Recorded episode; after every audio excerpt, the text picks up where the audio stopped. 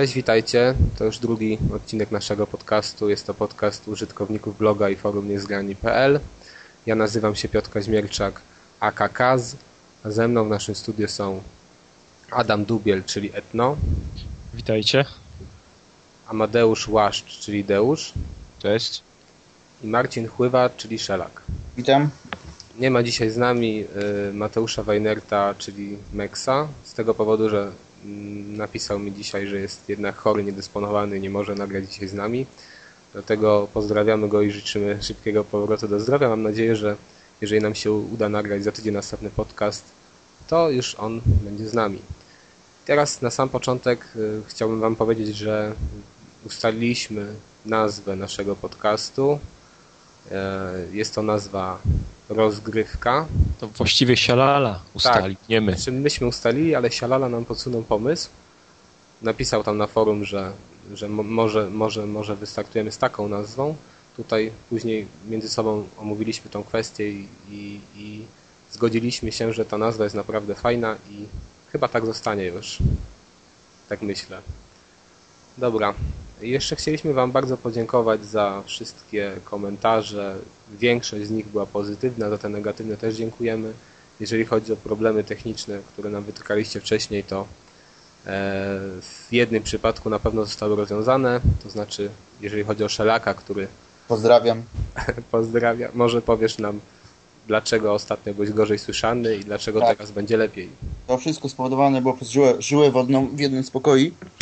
Natomiast nagrywam już w innym miejscu, więc powinno być zdecydowanie lepiej. e, Więc mam nadzieję, że też, też, też słychać, że jest zdecydowanie lepiej. E, Dokładnie. Jeszcze była też taka kwestia, że słychać takie było dmuchanie. Nie wiem, czy to będzie słychać w tym podcaście nadal, ale mm, postarałem się jakoś temu zapobiec, to znaczy to było z mojej winy. Korzystam z takiego mikrofonu bez słuchawek i po prostu było słychać, jak, jak wydmuchuje powietrze. Tutaj koledzy poradzili mi, co mogę zrobić, żeby tego nie było słychać i domowym sposobem udało, mam nadzieję, mi się temu zapobiec. Dobrze. Sądzę, że przejdziemy już do, do, do, do meritum. Zaczniemy od newsów. Chyba takim najważniejszym newsem tego tygodnia jest nowe PSP. To znaczy jakieś tam zdjęcia się pojawiły. One bardzo takie słabej jakości są, ale coś na nich widać. Jak panowie? Cieszycie się, że będzie nowe PSP wkrótce? Adam. Znaczy ja żadnego PSP nigdy nie używałem, chociaż kiedyś się nosiłem z zamiarem zakupu. Tak, te zdjęcia przede wszystkim to wyglądało jakby robione były, nie wiem, jakimś noktowizorem gdzieś pod stołem w nocy i nie wiem co jeszcze. Więc w ogóle ja, ja, jak gdyby nie te opisy, to bym nic na nich nie widział. Natomiast podoba mi się ten pomysł z tym z trackpadem, czy jak oni to nazywają, z tyłu, czyli tą ekranem dotykowym z tyłu PSP. Myślę, że to może e, wyróżnić PSP na rynku, na rynku konsoli i też przy okazji trochę zbliżyć to do, do, do rozgrywki znanej z iPhone'a, a przy okazji zachowując te wszystkie cechy e, zwykłej konsoli, a czy zwykłego, zwykłej konsoli przenośnej. No i myślę, że jak się pojawi i to, to będzie moje PSP, jakie kupię. No, tylko boję się trochę, czy to nie będzie tylko dystrybucja cyfrowa. No to chyba każdy, każdy się o to nad tym zastanawia. Znaczy, jeżeli chodzi o dystrybucję cyfrową, wydaje mi się, że tutaj akurat problemu nie będzie. Bo Sony chyba samo, sama się, samo się sparzyło na PSP Go. Tego właściwie nikt nie kupuje, e, co świadczą, co świadczą o, co, o czym świadczą, że tak powiem, te promocje 10 gier za darmo. E, Natomiast jeżeli chodzi o samo nowe PSP, no przede wszystkim gry. Gry to podstawa e, i mam nadzieję, że jeżeli te nowe PSP kiedykolwiek powstanie, e, no to przede wszystkim nie będą to kopie gier z PS3 czy z PS2 właściwie bo przykład, że tak powiem, sukces Nintendo e, sam, sam pokazuje, że gdyby kopiowali tylko i wyłącznie gry z dużych konsol, no to ta konsola nie miałaby racji bytu, a tutaj, tak, tutaj w tym przypadku PSP właściwie no, z- na palcach jednej ręki można po, policzyć tytuły, które były tytułami jakby na wyłączność dla PSP, a nie były jakimiś tam kopiami gier z PS2, z PS3, e, czy jakimiś e- ewentualnie sequelami e, gier. Więc tutaj pod tym względem myślę, że no, podstawowa kwestia to gry. No Natomiast właśnie mi, mi ten trackpad daje trochę nadziei, że to, że to nie będą zwykłe porty z PS3, no bo jakaś nowa funkcjonalność, coś, coś czego nigdzie indziej nie ma, więc może twórcy pójdą w tą stronę. Okej. Dru- A z drugiej strony, no bo z drugiej strony chodzi o to, że tak naprawdę rynek tych takich bardziej casualowych, przenośnych gier już jest zapełniony przez iPhony. Teraz coraz więcej jest telefonów z Androidem, które mają też bardzo duże procesory potrafiące wygenerować dobrą grafikę. Wyjdzie jeszcze Nintendo 3DS, które tym bardziej zgarnie ten rynek casuali, więc PSP może, wie, wiecie, będzie chciało kontynuować tą taką swoją tradycję właśnie przenośnej konsoli, która generuje najlepszą grafikę na rynku, bo za takie uchodziło. No, no właśnie, kilka a może, lat temu, kiedy wychodziło. A może powiecie mi, jak myślicie, czym może się właśnie to PSP wyróżniać na rynku spośród innych konsol przenośnych, to znaczy tutaj masz, mam też na myśli właśnie te smartfony. Myślę, że przede wszystkim, no tak, no nie będzie się wyróżniało tak naprawdę niczym, bo, e, bo właściwie mamy już, ok, mamy iPhone'a, który spełnia świetnie funkcje konsoli, jak i telefonu, przeglądarki internetowej. E, mamy już w przyszłości, że tak powiem, nowego DS-a z bardzo rozwiniętymi funkcjami multimedialnymi, pomijając jakby obraz tutaj 3D. Mamy tu, jak Deusz wspomniał, również telefony na Androidzie, więc tak naprawdę sukces, jeżeli ma być, jeżeli to ma być, że tak powiem, sukces osiągnąć, to to tylko i wyłącznie tkwi, e, tkwi w grach, bo z technicznego punktu widzenia, no co okej, okay, wsadzą lep, lepsze bebechy do środka, no ale to tylko wszystko. No i będzie to PSP 2 znowu. I, z, I znowu nikt nie będzie, znaczy nikt nie będzie. Znowu będzie problem, że tak powiem, z jakimiś tytułami, które są innowacyjne, które coś dają jakby dodatkowego. E, może rzeczywiście ten dotykowy ekran coś, coś pomoże, no ale okej, okay, no dotykowy ekran dotytkowym ekranem, ale jeszcze pomysły na gry, to jest najważniejsze. A wy panowie, co o tym myślicie? Znaczy przede wszystkim y, Sony myślę, że nie, nie będzie konkurować z iPhone'em ani z Androidami, bo przede wszystkim ono zachowało prawdziwe kontrolery, czyli to nie jest tylko ten dotykowy ekran, no ale też tam dwa analogi i, i zwykłe przyciski, więc tylko teraz boję się tego, że Sony, jakby patrząc na to, że e, iPhone'owi, właśnie Androidowi udało się zgarnąć tyle rynku, zacznie ich kopiować zamiast iść własną drogą. No i to chyba jest największe dla nich zagrożenie, że zamiast kopiować gry z PS3, zaczną kopiować gry z App Store'a. No i zaczęli kopiować w sumie, bo zobacz, masz, minisy. masz tego minisy, tylko że te minisy, patrząc na ceny, mają się nijak do, do, powiedzmy, do ich wartości, no bo tam średnia cena minisa no to jest 10-14 zł. Tak, a nie 18? Znaczy, to zależy. Zależy od tytułu, ale, ale patrząc na tytuły na iPhone'a, no bez najmniejszego problemu poniżej 1 euro znajdziesz świetne tytuły. Na, na 10 minut, 15 minut, ale na godzinę 2-3. No i poza tym, jak iPhone'a masz zawsze przy sobie, a nie będziesz PSP wszędzie targał, żeby sobie w Minisa pograć. Tak, no chyba, że zrobią ten, mówię, no, te funkcję telefonu dodatkowo dorzucą, no ale wtedy okej, okay, kopiujemy właściwie Engage'a Noki, yy, a to jak wiadomo już się nie sprawdziło.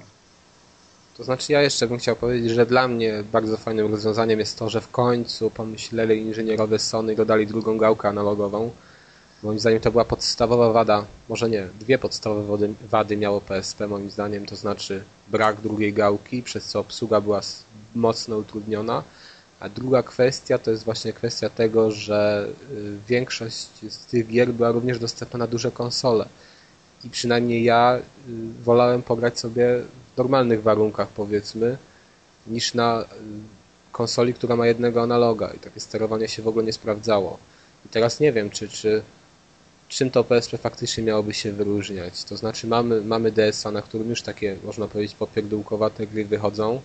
Oczywiście wychodzą też inne, większe produkcje, ale to jednak PSP pokazywało nam, znaczy może wywalczyło jakąś tam, mm, wywalczyło jakoś rynek z powodu tej grafiki.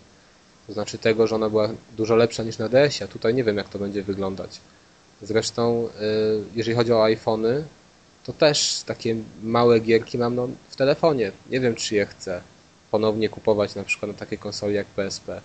Tak właściwie to nie bardzo widzę jakąś przestrzeń rynkową dla tej, dla tej nowej konsoli Sony. A powiedzcie mi jeszcze, i czy wolelibyście, żeby to jednak był smartfon, tak jak na początku tam ludzie zdawali się sugerować, czy jednak wolicie, żeby to była normalna, tradycyjna konsola przenośna?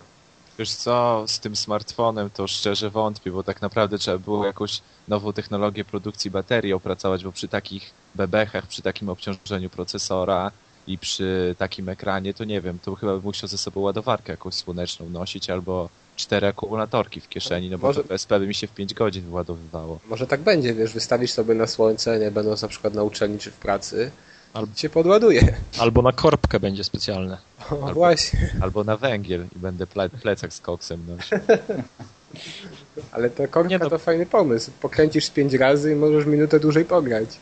A jakbyś, wiesz, będziesz miał kolejnego God of War'a, to się nakręcisz tą korbką, no, dokładnie. Co tam? spada framerate, kręcisz, kręcisz. Będziesz jak Kratos wyglądał pod koniec gry już. Ja sądzę, że wiesz, że wzmocnię sobie mięsie nadgarstków, jeżeli takie są. Ale wiesz, edycja kolekcjonerska, nie? I taka, wiesz, korba z takimi różnymi takimi emblematami, albo miedziana na- i wyryte jakieś wzorki. No właśnie, wiecie, jeszcze to zawsze można sprzedawać w edycji kolekcjonerskiej, nie? Za 100, zł- węgla. 100 zł więcej. Super. A ty, Marcin, powiedz, jak to widzisz? Wolałbyś Ja? smartfona czy zwykłą konsolę? No ja mam, jeżeli już, no to bardziej by mi się to, bardziej mi szedł, bardziej mi się podoba pomysł samego, samego PSP jako konsoli. E, jako smartfon, no to takie same uczucie, no. Pomijając kwestie techniczne, mam już iPhone, wystarczy mi powiedzmy e, jako telefon, jakie urządzenie jakieś tam do, do grania w popierdółki.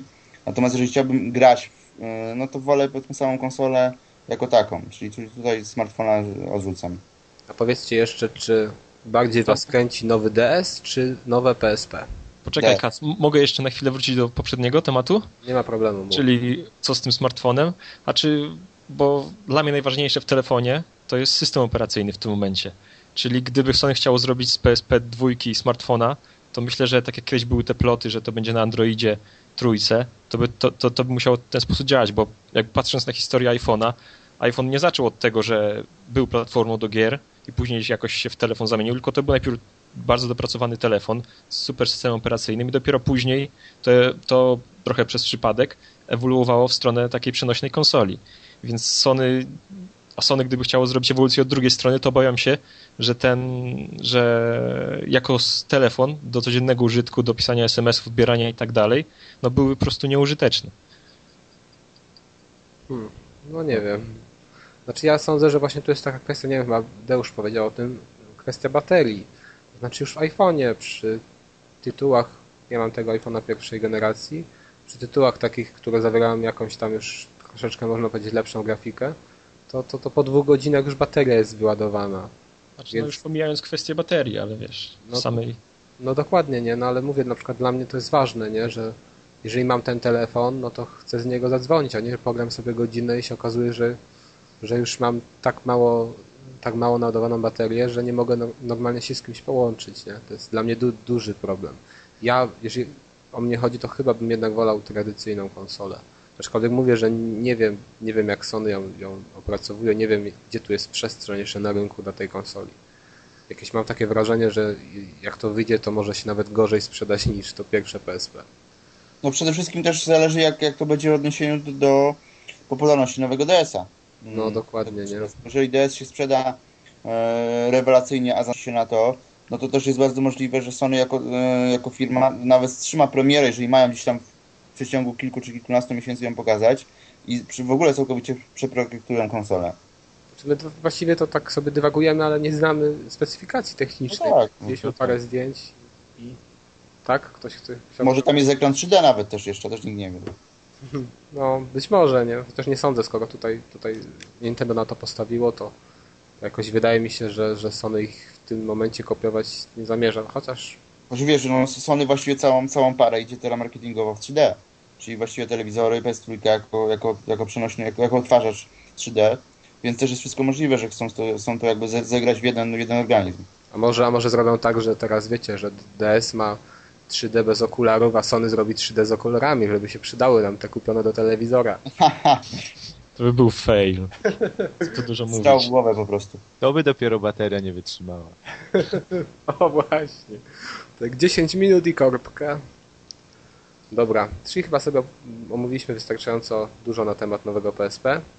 To teraz e, przejdziemy do naszego tematu odcinka. Również to będzie temat, dwa tematy w zasadzie poruszymy. Pierwszy z nich, czyli temat, pojawił, który pojawił się na forum. Jego autorem jest Deusz, czyli tutaj obecny nagrywający. Temat brzmi tak. Społeczeństwo, a gracze, nerdy, geeki i inne dziwactwa. Powiedz, Deusz, o co dokładnie chodzi? Chodzi mniej więcej o to, że na którymś z odcinków dogrywki e, redaktorzy wspomnieli, że tak naprawdę Pols Polska się przybliża w ten sposób do Zachodu, że my gracze, osoby jakby związane z tą branżą są postrzegane jako zwykli ludzie, że granie się stało po prostu normalnym hobby, takim jak oglądanie telewizji e, i tak dalej. I ja się zupełnie z tym nie zgadzam, odnosząc się do swojego środowiska, które nie jest jakieś zacofane, nie jemy bobrów w piątki, ale nadal jakby postrzeganie gracza może się zmieniło w ten sposób, że nie jest to dziwak, no ale załóżmy osoba dorosła, która gra w gry jest postrzegana jako ktoś, kto no, marnuje swój czas, jako wydaje 200 zł na każdy tytuł i kupuje tych tytułów załóżmy jeden w miesiącu albo nawet kilka w miesiącu. No i traktują to jako coś dziwnego i wśród jakby dorosłych swoich znajomych, no nie mam osób, które grają, a jeśli mam, to są to przeważnie kobiety lub mhm. dziewczyny. To jest ciekawe. Ja na przykład nie znam w, swoje, w swoim otoczeniu żadnej dziewczyny, która, która by grała jakoś tam. Wiesz, ja znam, ja znam dziewczyny, znam. bo dużo, dużo, dużo, dużo znam dziewczyn, które jakby, wiesz, fascynacja Japonią i ogólnie wschodem, a jeżeli fascynacja Japonią, to wiesz, fascynacja tymi wszystkimi no, to... Wii, DS-ami i tak dalej i to jakby wsiąkło raz spróbowały, teraz im się podoba, plus gry imprezowe, Guitar Hero, SingStary, plus DS, no i jakoś tak wsiąkły. No Marcin, a ty co chciałeś powiedzieć? Znaczy ja chciałem powiedzieć, ja tutaj propos, czy, czy znam kogoś, e, kobietę, która gra, no ja na przykład we własnym, we własnym domu mam taką. Ale ona, ona jest y, graczem od momentu, gdy jest z tobą, czy wcześniej już była? Nie, no rzeczywiście graczem jest od momentu ze mną, no ale to już, już troszeczkę lat mija. No widzisz. No, dobry przykład daję, tak. Natomiast rzeczywiście e, gra głównie w takie popierdółki, szczególnie iPhone tu jest okupowany w wszelkiego rodzaju klony, e, zoomy, e, Peggle, e, natomiast też i na, na PS3 też jakieś tam tytuły właśnie klockowato-tetrisowe. Dużych tytułów rzeczywiście tutaj omijamy, no ale też i SingStar na przykład, mm, czy Bass, o, w ten sposób. E, natomiast też trzeba wziąć pod uwagę, że tak naprawdę grają wszyscy, bo e, założę, mogę się założyć, że każdy, każdy z nas, czy powiedzmy każdy z, z osób gdzieś tam w naszym środowisku na pewno kiedykolwiek odpalił sobie jakąś prostą gierkę na komórkę i też to była gra. Wiesz, ale to są, to, to ty mówiąc nasze środowisko, to masz na myśli, sądzę, młodych ludzi, bo nie wiem, czy na przykład moi rodzice odpalili kiedykolwiek sobie jakąś grę na komórce. No, no wiesz, na komórce nie wiem, ale na przykład moja mama uwielbia Majonga, czy tam inne pasjanse, to traktuje to jako gra wtedy. To ja na, na, przykład mogę powiedzieć, bo u nas często jest też SingStar na topie, więc jeżeli zaliczyć osoby, jeżeli zaliczyć do grona graczy osoby, które grały w SingStar, to, to również moich rodziców można do tego grona włączyć. A nie, no pewnie, że tak, dlaczego nie? A powiedz Adam, myślę, co ty myślę, myślę, że właśnie nie możemy mówić, że ktoś, kto raz odpalił grę na komórce, czy ktoś, kto grał w SingStara jest graczem, bo chyba trzeba samemu też czuć, że, że przynależysz do jakiegoś grona tych, tych, graczy, że kupujesz gry i tak dalej, i tak dalej. No, Nie, no, tak no jasne, wiesz co, ja tylko, przepraszam, że ci przerywam, ale takie były chyba jakieś rankingi, ile osób gra i właśnie w tych rankingach były również osoby, które grają właśnie w takie gry jak SingStar. Po prostu kiedykolwiek zagrały w jakąś grę i one były określone mianem graczy, dlatego ja tak powiedziałem, nie? Ja się, trącę na chwilę, pozwolę sobie tylko tak myśl tylko już dokończyć, bo tak samo możemy traktować, no, mam znajomych, którzy na przykład grają tylko i wyłącznie w PS-a. Co roku tylko kupują, kupują PS-a, kolejną część e, i tylko grają tylko i wyłącznie w tą grę. To tak samo właściwie jak, jak, jak, jak powiedzmy śpiewanie na SingStarze. Ale oni są, wiesz, taką grupą, która kiedyś może się nawrócić i, i zaczną grać jeszcze w co innego, nie? Bo już są, mają jakieś tam zaliczone przygody z padem. No, Nie, no to ja wiem po doświadczeniach swoich, że na przykład yy, to, że ktoś grał w SingStara, to w ogóle yy, w głowie się nie mieściło tym osobom, że jak im powiedziałem, czyli tam grać ma jakąś konsolę czy coś, no oni nie, oni nie grają na konsoli, tylko oni mają SingStara, no. I SingStar, czyli karaoke, a nie, nie, że to jest konsola, że to jest gra, coś w tym stylu. Więc jak gdyby, jeżeli oni sami nie mają świadomości tego, że oni grają i że, że, że, że, do tego jest potrzebna konsola, kupić gry i tak dalej, i tak dalej, tylko oni na to mówią SingStar, więc no nie, ja, ja, ich nie, ja ich nie potrafię nazwać graczami. Powiedz jeszcze Adam, czy, bo tutaj trochę zboczyliśmy z tematu, jak to wygląda w twoim środowisku? Gracze są, nie wiem, uznawani za jakichś dziwaków? To znaczy, chyba jest lepiej niż było kiedyś, jak jeszcze byłem młody i piękny, ale... O, jak to dawno było. Nie no, na, na pewno jest trochę lepiej. Znaczy nie mam w otoczeniu praktycznie tylko dwie osoby, które grają trochę, mam, mam w swoim otoczeniu, to obydwie też na, na playaka. Natomiast yy, no już nie samo powiedzenie to, że się ma konsolę, że się gra, to nie jest już właśnie uznawane za jakiś objaw takiego totalnego geekostwa i nerdostwa. E, nawet jak powiedziałem znajomym, wysłałem linka do naszego pierwszego podcastu, to też nie było jakiegoś wielkiego szoku, że jak to w ogóle. Tylko powiedzieli, że przysłuchali. Co prawda nie rozumieją, o czym w ogóle rozmawiamy, ale, ale fajnie brzmi i w ogóle jest okej. Okay. Więc... Jesteśmy elitarni tak, fizyka kwantowa i te sprawy. Właśnie, więc ten odbiór się, znaczy ten odbiór się zbiera i zmienia na lepszy. Ja się zgadzam z chłopakami z Niezgranych, bo też pamiętam ten podcast, że no to idzie wszystko w stronę takiego właśnie postrzegania zachodniego. No, na zachodzie też nie jest tak, że konsola to jest coś totalnie normalnego, tylko... tylko to, to jest objaw jakiegoś geekostwa? No, znaczy, dobra, na zachodzie. Ja byłem, ja mieszkałem w Finlandii przez rok i wiem, że tam też, no, to nie było tak, że każdy konsola to jest coś normalnego i w ogóle chodzenie tam do jakichś GameStopów i tak dalej to jest zwykła rzecz, tylko to też jest jak gdyby jakaś wydzielona, że tak powiem, kasta graczy, którzy tym się zajmują, a reszta, reszta jakoś tak patrzy trochę z, z boku na nich, ale no też już, też już nie mówią, że gracze to tylko po, zabić potrafią. No to wiecie co, to, to chyba Tapczan też mówił, że w środowisku jego kolegów z firmy, nie? Też taki panuje pogląd, że granie to chyba nie jest nic takiego normalnego. Chociaż mogę się mylić, wydaje mi się, że tak kiedyś nam w takim tonie mówił o tym na dogrywce jakiejś. No wiesz, zawsze to lepiej być graczem niż być e, miłośnikiem mangi lub anime. Bo wtedy jesteś już odsądzany od czci i wiary, a, a słowo pedofil należy do najdelikatniejszych.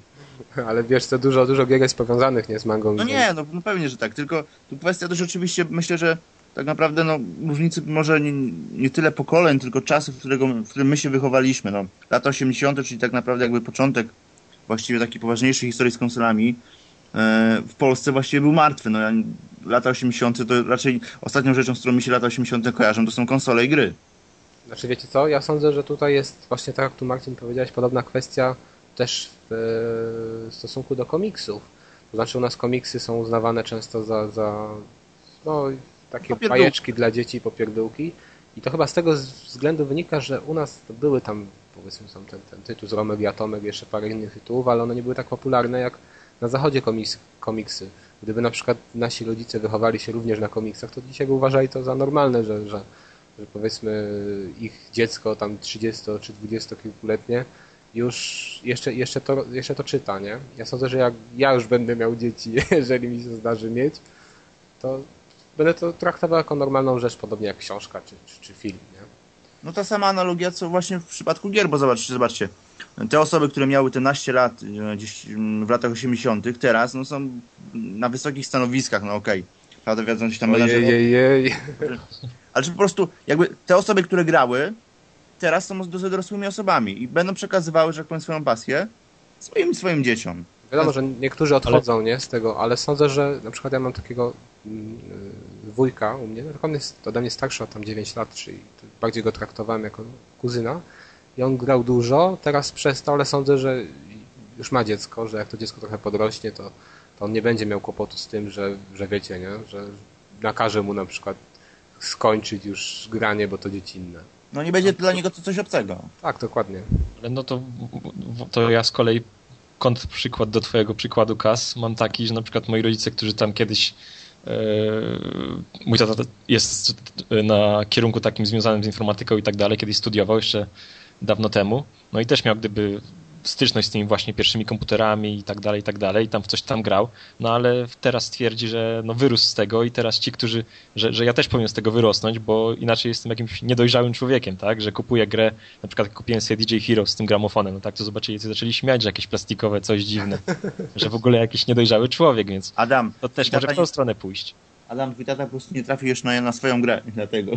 Nie, ja, ja wiecie, wiecie, z czym to może być związane? Że w tamtych czasach te gry były bardzo często robione dla dzieci, bo to, to taki największy target, bo teraz, teraz to, to, się zmienia i więcej jest chyba takich tytułów dla dorosłych, co, co, co sądzę, że może, że to, to ilustruje chociażby fakt tego, że nie ma za dużo platformówek na te obecne, obecne generacje konsol. Kiedyś tego było multum, teraz jest coraz mniej, więc może faktycznie gra, gracze dorastają i, i, coraz poważniejsze gry się tworzą, a wtedy to były same takie, wiecie, no, zresztą one były mało skomplikowane, nie, w tamtych, w tamtych czasach. Znaczy, pamiętam też, pamiętam też e, no, kilka, kilka lat temu był taki program. Chyba, chyba ktoś po prostu wypowiadał się, że był, był to program dotyczący właśnie tej przemocy w grach i w formie takiego e, talk showu i tak naprawdę trudno było tym osobom zrozumieć, e, słuchającym, że może być coś takiego jak gra dla dorosłych. Wszyscy traktowali tak naprawdę gry E, czy to powiedzmy było, było powiedzmy jakaś tam strzelanka, czy, czy nie, że to jest gra dla dziecka po prostu, nam 10-letniego, 12-letniego, 13-letniego, jakby tak naprawdę nie byli w stanie rozróżnić różnicy między grą dla dorosłego, a grą dla dzieci. To tak samo, wiesz, jak, jak w przypadku filmu, no, ja mam przykład, że tak powiem, z, z, z, z pracy swojej, że ostatnio, że tak powiem, bardzo częstym prezentem dla 6-7-latka jest GTA na przykład tutaj wtedy. Więc więc to też jest, jak powiem, już kwestia właściwie samoświadomości, świadomości tych osób, które odbierają te gry. No wiecie, jeszcze tak powiem, może na zakończenie tej naszej dyskusji w tym temacie, że ja studiuję i ostatnio y, miałem koszulkę Call of Duty, kiedyś tam kupioną, na sobie, to, to, to ludzie rozpoznawali, to nawet dziewczyny, co to jest. Y, tam na korytarzu siedziała koleżanka z kolegą, więc są parą i właśnie ten kolega mówi, o, że chyba sobie musi kupić PlayStation, bo by sobie chętnie w jakieś takie, takie gry na konsoli pograł.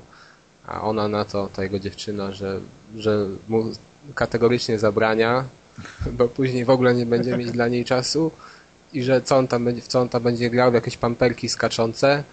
To jest wszystko dla dzieci i w ogóle no, ona powiedziała, że mowy nie ma. To tylko świadczy o niej.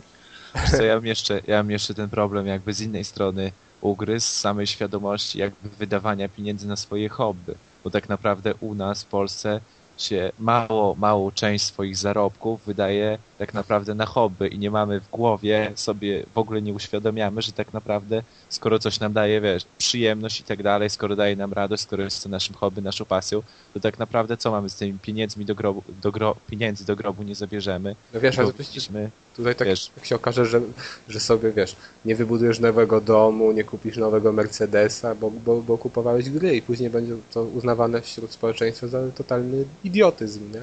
To też jest kwestia, to ostatnio były takie badania y, postrzegania właśnie rozrywki przez Polaków. E, trudno, tak samo powiedzmy to odnośnie do też, też kwestia piractwa, że po prostu Polacy wyszło z tych badań, właśnie. że nie są przyzwyczajeni tak naprawdę, nie mają jakby tutaj e, w swojej świadomości że zakodowanego, że za film, za książkę, za muzykę, za się płaci. Że to jest produkt, Wiesz. który ktoś stworzył. To nie jest powiedzmy, tego żadne krasnoludki nie zrobiły, nie wpuściły do internetu, tylko ktoś powiedzmy ciężką robotą to, to wykonał. Nie, bo to jest właśnie też kwestia świadomości tego odnośnie hobby, że ludzie naprawdę wydają mnóstwo kasy na swoje hobby, tylko zawsze to jest jakieś tam, nie wiem, jakieś tam na działce coś robią, coś w tym stylu i to mi się wydaje, że to jest materialne, to jest uchwytne i to jest, to nie jest wrzucenie pieniędzy w błoto. A jak właśnie my z, przychodzimy ze swoimi grami, kiedy płacisz 200 zł za pudełeczko małe plastikowe i później siedzisz przed telewizorem 8 godzin, no to wiesz, nie ma tej świadomości, że to jest coś materialnego, że to jest coś uchwytnego, że ty coś tak naprawdę robi, że to jest hobby, tylko że o, jakieś bawi się dzieciak i tak, takie sprawy. Więc myślę, że to też może o to chodzić, że niematerialność. Wiecie co, jeszcze też e, tutaj wspomniał Marcin o piractwie, nie? To sądzę, że u nas tak jest, no generalnie nikt by nie ukradł czegoś. Nie wiem, czy to do końca jest kradzież, bo to jest dyskusyjne, ale e, jest takie ogólne chyba przyzwolenie na to, że na przykład e, jak masz grę, to najlepiej sobie ją ściągnąć z internetu, to jeszcze sobie pograsz, a, a za 200 zł w życiu byś, byś na przykład tego nie kupił, nie? Tam powiedzmy tata powie do syna, że a weź sobie ściągnij, po co będę ci kupował za 200 zł i tak pograsz i co?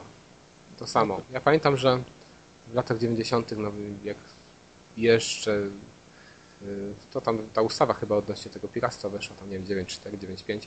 Pamiętam, że kupiłem sobie pierwszą oryginalną grę, chyba to była pierwsza oryginalna gra, a może nie, wcześniej jakieś może były na Amiga, ale pamiętam, że tak sam, sam swoją grę pierwszą kupiłem może w wieku 6-7 lat, może nie, może więcej. To, tą grą był Lev Leon i się zastanawiałem, czym ta, taka gra oryginalna się różni od tej pirackiej. Nie chciało mi się wierzyć, że tylko pudełkiem. No mówię, no kurczę, no tutaj powiedzmy mam ją prawie za darmo, a tutaj muszę za nią dużo płacić i czym to się różni? No i przyszła ta gra i się faktycznie okazało, że pudełkiem. Więc... Pierwsze rozczarowanie. Więc to było pierwsze rozczarowanie akurat. Ale pudełko przynajmniej duże było, co? Tak duże, nie? Ale już dzisiaj no, chyba w piecu. Kiedyś te pudełka to były. Fajne, fajne. Znaczy wiesz, one były też fajne, ale też z drugiej strony nie fajne, bo jak sobie ustawiłem takie pudełka z gier na PC na półce, to to z 10 gier i była półka zapełniona, nie? No, tylko, że wtedy te normalne edycje wyglądają, wyglądały jak teraz kolekcjonerki. No, no to inna kwestia, nie? I one były jeszcze tańsze niż są teraz kolekcjonerki.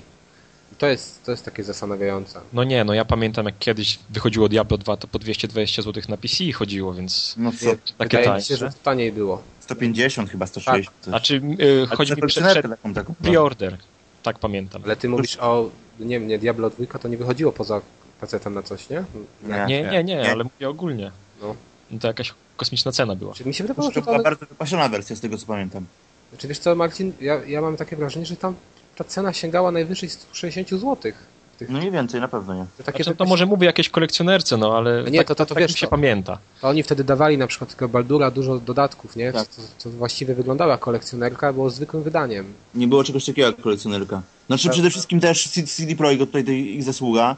Oni tak naprawdę przyzwy- przyzwyczaili graczy do tego, jak ta gra ma wyglądać, bo, bo te wersje właśnie yy, PC-towych gier, bo, bo mówimy generalnie teraz o PC-towych gier, bo tam świat konsol właściwie wtedy nie istniał.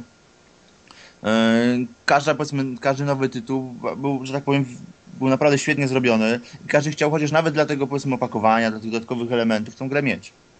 No nie, no tak, w RPGach to mapa to był takie totalne minimum, żeby dołożyli. Tak. Jakiś Jakieś duży poradnik, Pudełko, tak, poradnik, instrukcja na 200 stron, świetnie Tak. napisana. No właśnie, przecież pamiętam, że miałem tą taką grę Cezar chyba. Chyba to się Cezar nazywało? Chyba trój... Był, tak. Taka strategia. No to tamten poradnik to wyglądał, nie wiem, to chyba 300 stron książki było po prostu. I to była normalna edycja. I teraz, a teraz to co macie? No, taką instrukcję, która nic nie tłumaczy czasem. No, ale Albo Do instrukcji już wcale nie sięgasz. No to też prawda, nie? No ale na przykład... Y też o czymś świadczy. Znaczy nie, na przykład kupiłem sobie tę kolekcjonerkę tego Demon Souls, no i tam patrzę, jest poradnik, nie? Odnośnie tej gry. No i on ma tam, nie wiem, chyba 200 czy 300 stron. Ja sądzę, że takie edycje w takich grach powinny, znaczy takie poradniki w takich grach to powinny się znajdować w każdej wersji. Bo to są tak skomplikowane gry, że taki poradnik na pewno się przyda, nie? Znaczy poradniki są, tylko już ktoś zwęszył interes i robi je osobno i tyle. No, Albo na płytce. Tak, w PDF-ie. dobra, to kończąc może ten wątek, bo znowu, znowu odchodzimy trochę w bok. E, Przejdziemy do drugiego tematu, o którym chcieliśmy dzisiaj powiedzieć, czyli y, kwestia polonizacji w grach wideo. Jak sądzicie, warto polonizować, nie warto? Gracie w gry spolonizowane, czy kupujecie wersje angielskie? Może pierwszy tym razem odpowie nam Marcin. E, Jeżeli chodzi o polonizację, oczywiście, że warto, jak najbardziej. E, Natomiast czy gram? Tak. Jeżeli, jeżeli mam do wyboru wersję angielską i wersję polską, jaka by ona nie była, e, zawsze wybiorę polską edycję, polską wersję, polską edycję. E, Z jednego podstawowego względu, akurat mm, odbieranie tego świata, e, jakiej by tej znajomości powiedzmy języka obcego nie było, no zawsze e, w języku ojczystym jest, jest zdecydowanie lepsze. Natomiast też pod względem, że tak powiem, tutaj wspierania rynku. No, skoro ktoś chce, ktoś wydaje tą wersję polską, mm, to, że tak powiem, zakupując ją, mam nadzieję, że ten mój zakup przyczyni się do tego, że, że ta wersja, powiedzmy, kolejna część, czy powiedzmy, kolejna, kolejny tytuł w tej wersji polskiej będzie. Pomijam oczywiście tutaj kwestię problematyczną e, z tłumaczeniem, czy z jakością tłumaczenia.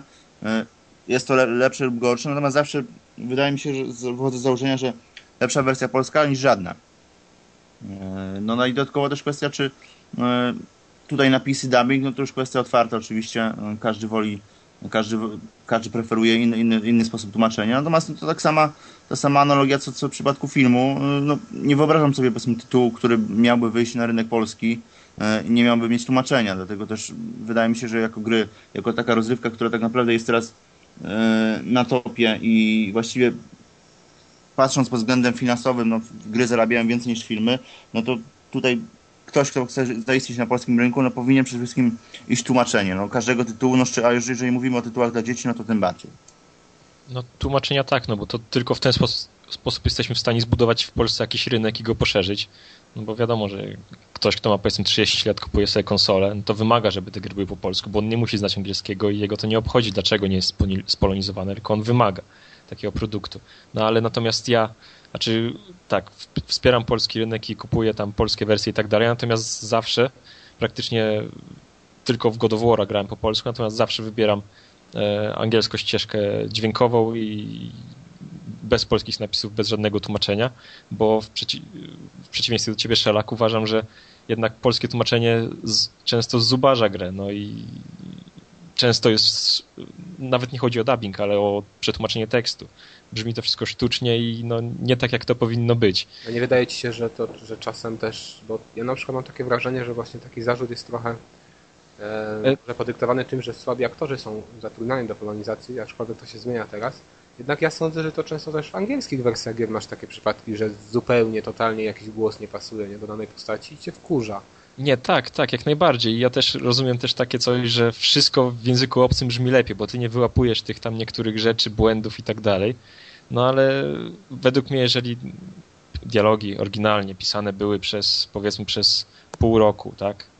Eee, ktoś nad tym spędził dużo czasu i napisał to po angielsku i tak, żeby to brzmiało dobrze w angielskim, a później przez miesiąc ktoś to polonizuje i musi zachować to, e, zachować jakość tłumaczenia, zachować treść, a to jakoś do polskiego przystosować, no to często mu to nie wychodzi że tak powiem, połowa tych różnych smaczków, czy też nawet nie smaczków, ale samego brzmienia tego, e, klimatu tego dialogu, no po prostu gdzieś wyparowuje i dlatego ja praktycznie zawsze włączam sobie wersję e, wersję angielską. Tylko teraz właśnie mówiłem God of War i teraz Infamousa e, grałem może z 20 minut i też zostawiłem polski, bo nie chciałem się wchodzić do menu. Być może spróbuję grać po polsku. No ale też tak samo tylko pozwolę sobie dodać, e, a propos tego naszego poprzedniego tematu, e, świadomości, jak powiedzmy, jesteśmy postrzegani jako gracze, e, bo jeżeli tłumaczy, jeżeli ktoś się zajmuje tłumaczeniem gier i traktuje grę jako rozrywkę dla dorosłych, okej, okay, jako tytuł, prawda? Natomiast rzeczywiście, jeżeli ktoś by się wziął za tłumaczenie takiego Gocowora i potraktował to jako platformówkę dla pięciolatka, wiadomo, że to tłumaczenie będzie jak, jakie będzie. Nie, ja sądzę, że z tym już chyba problemu takiego nie ma, nie? No, Teraz... na przykład, ale patrz, yy, przypadek, nie wiem, no, taki jakiś, który sobie przypominają, Killzona na przykład tutaj wtedy. Czy wiesz co, ja sądzę, że akurat ten, ten przypadek nie wyszedł tak źle, oprócz tego, że tam nie ma jakiegoś, no nie wiem, przetłumaczone jakichś wulgaryzmów dobrze, odpowiednio, to ja sądzę, że cała polonizacja wyszła nawet nieźle, nie? Ja się nie zgadzam z tym, co ludzie mówią, że to była totalna katastrofa. Nie no, jakościowo okej, okay, tylko to mówię o właśnie wycięciu ty, tych wulgaryzmów. E, pod tym względem. Jakby sztuczne, sztuczne jakby tutaj ograniczenie wulgarności tej gry, mimo że ta gra tam jest chyba do 18 roku życia by, by był znaczek, e, ale i tak jakby te, te wszystkie wulgaryzmy były, były wycięte. A nasz język jest taki piękny dla wulgaryzmów. O, tak. W zasadzie jest, jest powiedzmy jedno słowo, na które my możemy mieć 10 różnych słów na pewno to by wyszło moim zdaniem tak śmieszniej, zabawniej w polskiej wersji. No i właśnie to jest to, o czym mówię, to jest takie trochę zabijanie klimatu, no. zamiast fakt to cholera, no kurde. No, Wiesz, gra jest od 18 lat, no bez nie przesadzajmy. Gdyby ktoś soczyście tak powiedział na K to słowo, zamiast tego fakt, to sądzę, że to by jednak lepiej wyszło. No wiele lepiej by wyszło, wiele lepiej by zabrzmiało. No Bad Company na przykład dwójka. Tak, bardzo fajnie spolonizowana jest. Dobra, to teraz może jeszcze Deusz nam powie, co on ten, na ten temat myśli.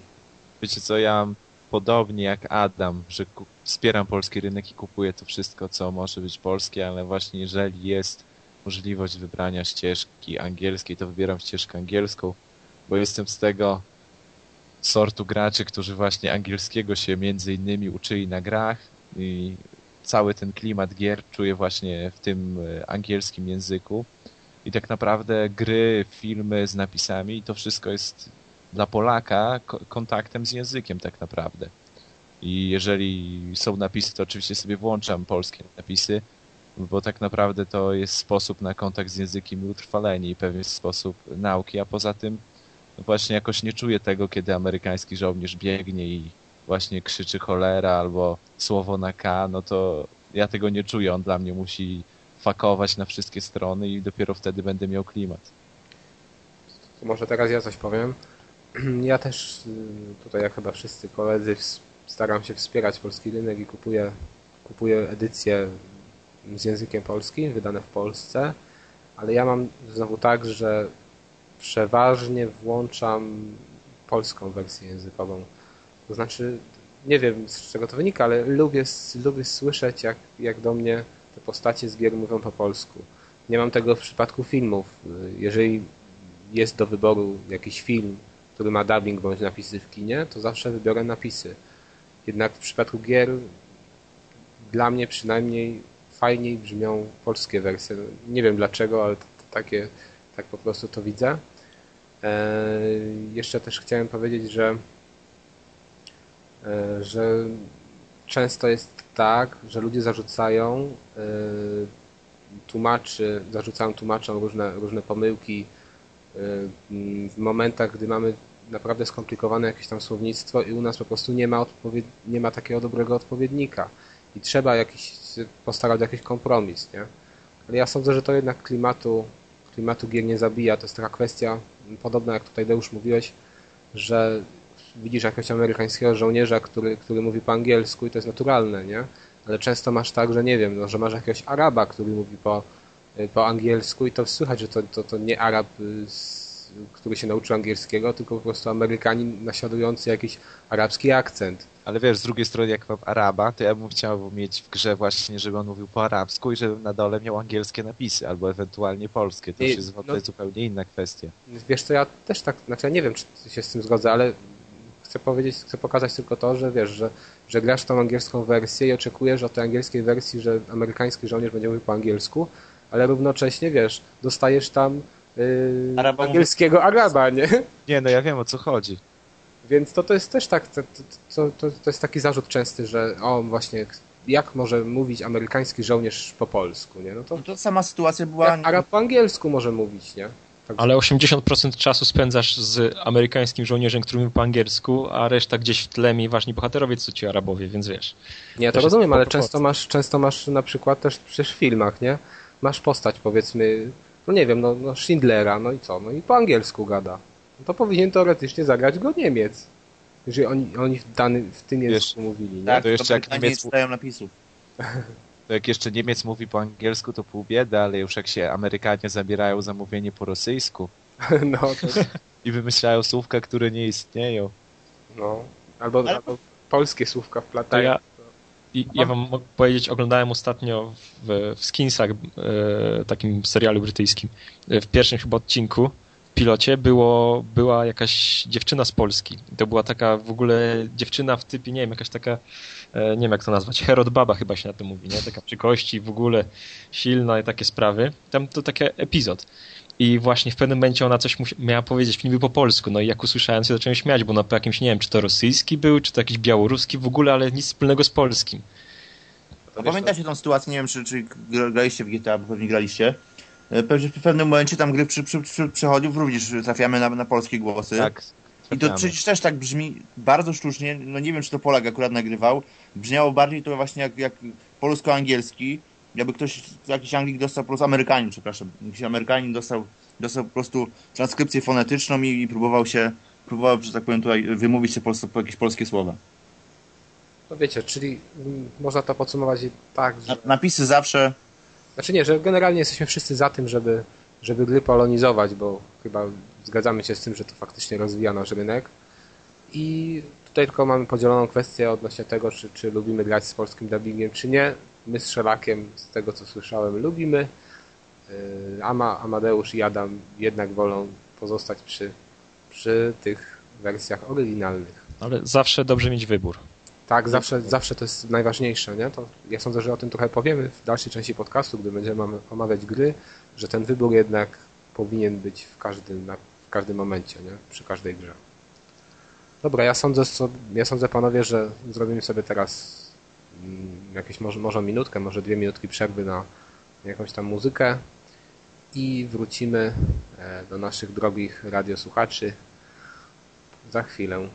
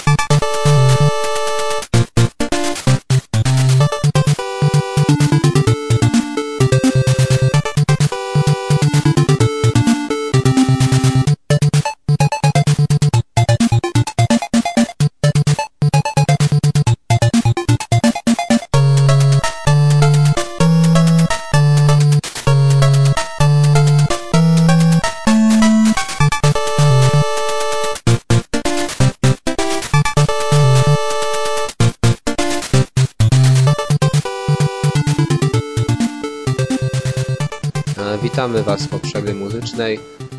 Tak jeszcze chciałem tutaj wrócić do kwestii technicznych. E, jak słyszeliście, to, była, to, to, to, to był utwór pewnie znany wielu słuchaczom, czyli Vampire Killer e, z pierwszej Castlevanii. E, tutaj mm, mamy taką inicjatywę, że co odcinek jedna z osób tutaj prowadzących podcast, uczestniczących w podcaście będzie wybierać jakiś, jak, jakiś utwór z gier i będzie Wam go prezentować. Ja właśnie zaprezentowałem ten, który słyszeliście przed chwilą. A teraz już wracamy do naszej rozmowy i będziemy mówić o grach. Czyli kącik, w co ostatnio grałeś? Pierwsze pytanie właśnie do Marcina. Powiedz nam, co tam ostatnio grywasz? W poprzednim tygodniu za dużo nie pograłem, ale, ale pozwoliłem sobie zacząć yy, yy, grać w dodatek do Red Dead Redemption Undead Nightmare. Jest to pierwszy dodatek singlowy do tej gry, na szczęście już. Czyli te poprzednie były wszystkie multiplayer? Tak, tak, wszystkie poprzednie były multiplayer, a multiplayer akurat w tym tytule zupełnie mi nie leży, więc po skończeniu gry gra wylądowała na półce i czekałem właśnie, że pojawi się coś, co będzie, że tak powiem, tutaj takim odpowiednikiem dodatków singlowych do GTA. No i wreszcie się pojawiło. Historia samej, historia, jakby, historia, która dzieje się w tym dodatku jest umieszczona, tutaj mały spoiler, więc możecie tu kilka sekund przesunąć między powrotem Johna Marstona, między powrotem jego rodziny, a, a finałem, a życzonym finałem, jeżeli ktoś grał, będzie wiedział, jak to się... Marcin, ale wiesz, ale ja na przykład przewinąć nie mogę. No ja też nie. ale nie spoilowałem. Dobra, nie spoilowałem. dalej. Sama, sama historia... Już tak, mogę odetkać uszy? Tak. sama historia sama historia opowiada jakby tutaj opowiada o, o spotkaniu Johna Marstona, Johna Marstona z zombiakami. Czyli temat bardzo oklepany, ale świetnie, świetnie zrobiony. Wszyscy kochają zombie. Tak, kochają zombie jak najbardziej, więc każdemu będzie się to podobało. W ogóle sam początek całego, jakby całego tego dodatku jest zrobiony w świetnym klimacie takich horror, horrorów z lat 60., 50., z horrorów z Borisem Karloffem, czyli tutaj zombiaki, jakieś Frankensteiny, ta sama czcionka, jakby ta sama muzyka, Mm, ten sam klimat, więc naprawdę świetnie, świetnie się to zaczyna i świetnie się gra. E, jestem jakby, no nie jestem jakby tutaj na końcu, właściwie bardziej początek niż koniec. Jest dużo strzelania, na pewno chyba jest więcej strzelania niż, niż było. No w końcu zombiaki, no z zombiakami nie rozmawiamy, tylko odstrzelowujemy im głowy. A powiedz mi, czy te zombiaki są bardziej takie śmieszne, czy, czy bardziej straszne, nie? W sensie ala Resident Evil, czy bardziej jak Left 4 Dead? Chyba bardziej jak Left 4 Dead, powiem. Ja tam miałem takie, takie momenty, że wybuchałem śmiechem, jak widziałem, jak na mnie, jak na mnie cała ekipa idzie, nie? Nie, to tak właśnie, tak to, to, właśnie jest zrobione właśnie chyba w takim stylu Left 4 Dead, czyli, czyli atakują, atakują grupkami. E, nie jest ich co prawda jednocześnie na, na ekranie dużo, więc nie jest to no, Left 4 Dead kilkadziesiąt, kilkadziesiąt zombiaków, ale, ale atakują grupkami i, i właściwie no, jedyne co, co musimy zrobić, no to no to odstrzeliwać im, no strzelać do nich w ten sposób. Cała historia oczywiście dotyczy, yy, jakby kręci się wokół tutaj tych zombiaków, kręci się wokół ratowania rodziny Johna, która została jakby tutaj zarażona tym jakby tutaj wirusem, jeszcze nie wiadomo tak naprawdę, jeszcze nie wiem czym, yy, wirusem powiedzmy tutaj yy, i została, została jakby zombie, więc John szuka lekarstwa dla nich. Powiedz jeszcze, czy, bo czytałem gdzieś, że to totalnie zupełnie inaczej wygląda y, w kwestii rozgrywki niż, niż y, podstawka. Czy faktycznie tak jest? Czy to jest jednak to samo, plus tam zombie, czyli więcej ludzi, do, więcej jakichś tam ludzi do wybicia? Znaczy przede wszystkim tak, no gra właściwie toczy się od scenki do scenki, czyli jakby gdzieś tam jedziemy, yy, scenka przerywnikowa jedziemy, natomiast rzeczywiście chyba, znaczy więcej jest tego strzelania, opowiem w ten sposób, na pewno. Czy się znacząco jakoś różni, czy nie? Czy od... Strzelanie? Nie, nie. Mechanika jakby strzelania jest taka sama i tak samo fajna jak jak powiedzmy w wersji podstawowej, więc tutaj jeżeli komuś się podobało to strzelanie powiedzmy nie przeszkadzało mu, to myślę, że tutaj tym bardziej będzie e, zadowolony. Dlatego też jeżeli ktoś też o, dodatek sam sobie jest jakby niezależny od, od wersji podstawowej, więc tu spokojnie można dodatek grać i nie zepsujemy sobie jakby tutaj... No, a właśnie, powiedz mi taką kwestię, jeszcze wtrącę się w słowo, czy teraz po, po, po ograniu tego dodatku i wcześniej po skończeniu tej, tej podstawki, jak ja, znaczy mi, czyli osobie, która nie grała w podstawkę, byś polecał bardziej właśnie to, to rozszerzenie, czy jednak te, ten Red Dead Redemption? Nie no, zdecydowanie zacząć historię od, od wersji podstawowej. E, od, tutaj jakby dodatek jest, jest właściwie takim dodatkiem tak naprawdę. On właściwie no, nie uzupełnia jakby historii, e, tylko tak naprawdę jest jakby odrębną, odrębną linią fabularną. Bo gra jest jakby bardzo realistyczna tutaj, ten świat jest bardzo realistycznie przedstawiony, więc jakby nie ma tam miejsca na zombiaki, o w ten sposób powiem. Więc te zombiaki tak naprawdę są bardzo takim humorystycznym elementem, więc w grze by się to gryzło, więc na pewno warto, warto zacząć od wersji podstawowej, jakby tutaj od Red, Red, Red Dead Redemption, niż, e, niż zacząć od wersji podstawowej, bo tak naprawdę po, gdybyśmy zaczęli od dodatku, no to okej, okay, no strzelanka powiedzmy jakimś takim świecie sandboxowym, western i tak dalej, natomiast y, akurat tutaj wersja podstawowa to jest, to jest jakby tutaj standard, trzeba, trzeba od tego zacząć na pewno. Dobra, masz jeszcze jakąś grę? No skończyłem Call of Duty. Yy, powiem w ten sposób, no tak jak każdy Call of Duty bardzo efektownie, bardzo szybko i bardzo nudno na koniec. A powiedz właśnie, kupił, ja jeszcze, kupił czekaj, cię ten czekaj. twist? Tylko zadam to pytanie. Kupił cię ten twist fabularny, który podobno gdzieś tam jest? Yy, Znaczy, połowie gdzieś chyba gry spodziewałem się, z, z czego można się spodziewać tutaj. Yy, no zawsze to wychodzi to lepiej niż, niż obrona Bur Burger Kinga. No. No Deusz, co tam? To ja też ograłem Call of Duty Mhm. i jak dla mnie to jest tempo aż za szybkie, bo w niektórych miejscach po prostu można biec przed siebie. Ja grałem na poziomie, e, to zależy od misji, albo regular, albo ten e, hard. e, hard. Po prostu w niektórych miejscach, żeby przewinąć te irytujące skrypty, to biegłem przed siebie z wciśniętym spustem, celowałem gdzie popadnie, dobiegałem do tego celu, do którego musiałem dobiec i nagle się odpalał skrypt, wszystko się robiło, muzyczka się robiła spokojniejsza, wszyscy wrogowie za plecami znikali i, ko i kolejny cel misji kole i kolejna sprawa. To tempo jest za szybkie jak dla mnie. No i te misje są zróżnicowane, ale mają trochę mniejszy jak dla mnie rozmach niż Modern Warfare 2. Bo niby w Modern Warfare 2 broniło się tego Burger Kinga, tego wszystkiego, ale jednak ta muzyka przygrywała i to miało większy, te bitwy miały jakby taki większy patos, większy rozmach. Jakoś się bardziej czułem, e, jakbym był na polu bitwy. No i tak to wszystkie zarzuty. No i te skrypty, no te skrypty są naprawdę jeszcze chyba bardziej widoczne niż w poprzednich częściach, bo dochodzi do takich sytuacji, że na przykład idę, ginę gdzieś, wiem, że mnie ściągnęli z dachu, więc e, wracam do checkpointa i celuję w miejsce, z którego wcześniej ktoś mnie, e, prawda, zestrzelił. Idę, idę, idę i nagle w tym, ciągle patrząc się na to miejsce, nagle w tym miejscu pojawia, e, teleportują się, teleportuje się trzech przeciwników. No to to jest takie śmieszne, no i zabija ten jakby obraz pola walki. A tak poza tym Call of Duty jak Call of Duty 6 godzin po wszystkim. Ja wam mogę powiedzieć opinię osoby, znaczy sam jeszcze nie grałem, dopiero pożyczę. Natomiast opinię osoby, która nie gra wiele, taki gracz raczej niedzielny, ale ma playaka już od jakiegoś czasu i jak on stwierdził, e, że podobno ta gra ma starczyć na 5 godzin, ale on gra już te chyba z 8 godzin i dalej patrząc po misjach to jeszcze nie jest nawet w połowie. Więc Mhm. coś z tą frustracją może być. Może zaczął od, od harda, wiesz, do tego. Oj nie, wątpię, bo on zawsze na easy gra. Aha. Ale wiesz, Nie, bo tam są takie... Kwestia czego? Kwestia skilla, umiejętności.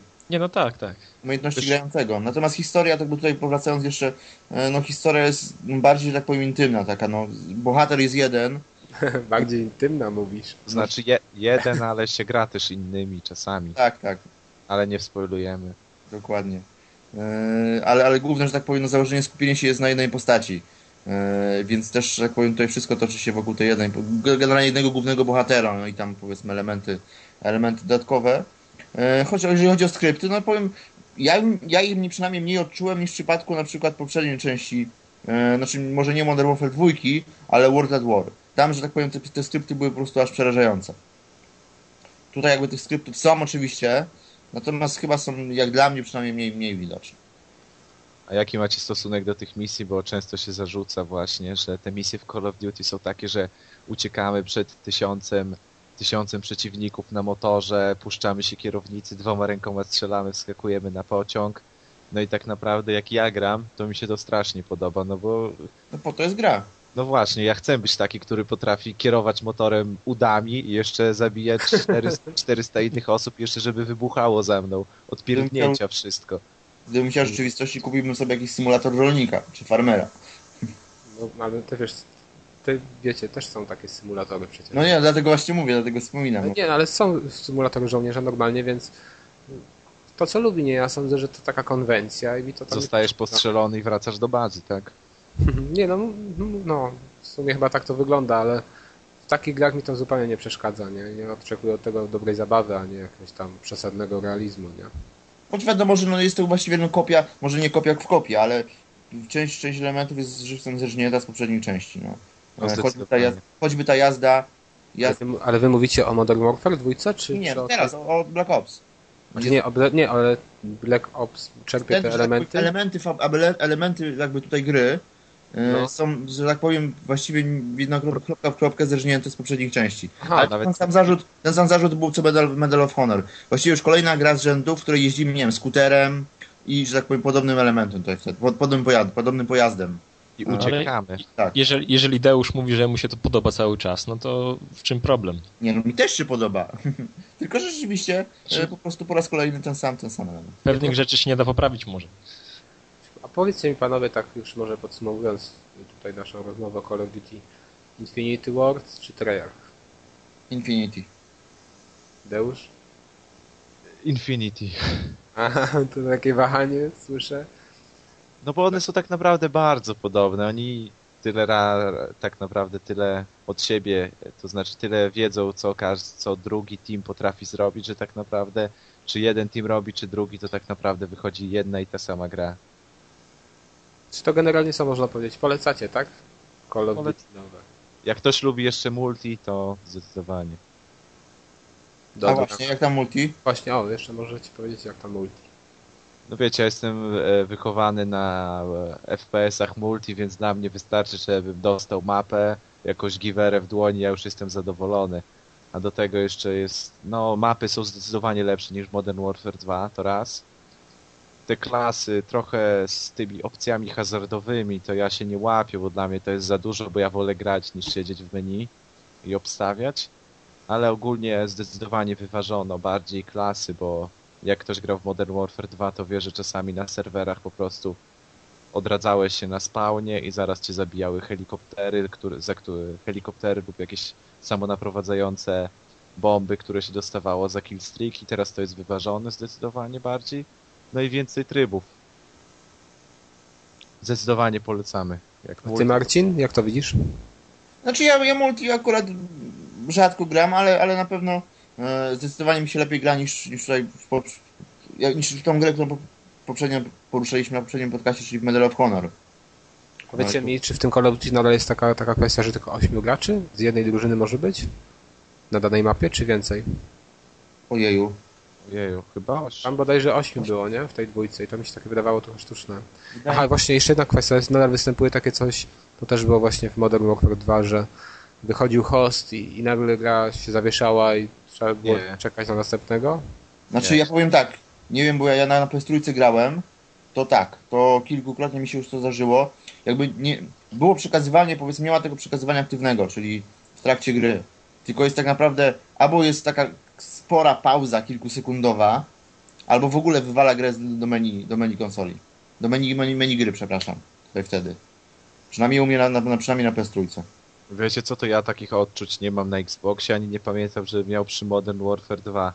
Wiesz co, ja grałem na PC, nie? I takie coś było, No. że w danym momencie wychodził bodajże host właśnie i y, nagle za, zawiesiła się gra i czekaliśmy na nowego. Może nie miałeś takiej sytuacji, bo akurat się nie zdarzyło, nie? W żadnej grze, że tak, że wiesz, że ktoś wychodził, nie? Nie wiesz, może miałem, ale w pamięć nie zapadło, wiesz. No być może, nie? To, dla- dlatego się pytam, bo to takie dosyć dziwne było. Nie, Pamiętam, nie, nie, że nie, Modern Warfare 1 na PC to nie, nie, takiej kwestii w ogóle, taka kwestia w ogóle nie istniała. No jeszcze by tego brakowało. Płaci chłopak za live'a, by musiał. Dobra, nie? To chyba powiedzieliśmy już dużo na temat tego Call of Duty. Też, jeżeli ktoś chciałby posłuchać wrażeń Mateusza, to w zeszłym tygodniu się wypowiadał. A teraz, co tam powiedz, to wszystko, czy nie jeszcze, Marcin? Ja, ja myślę, że wszystko. Na, na pewno tutaj te, te, dwie, te dwie gry głównie ogrywałem e, w poprzednim tygodniu. Dobra, to teraz Deusz.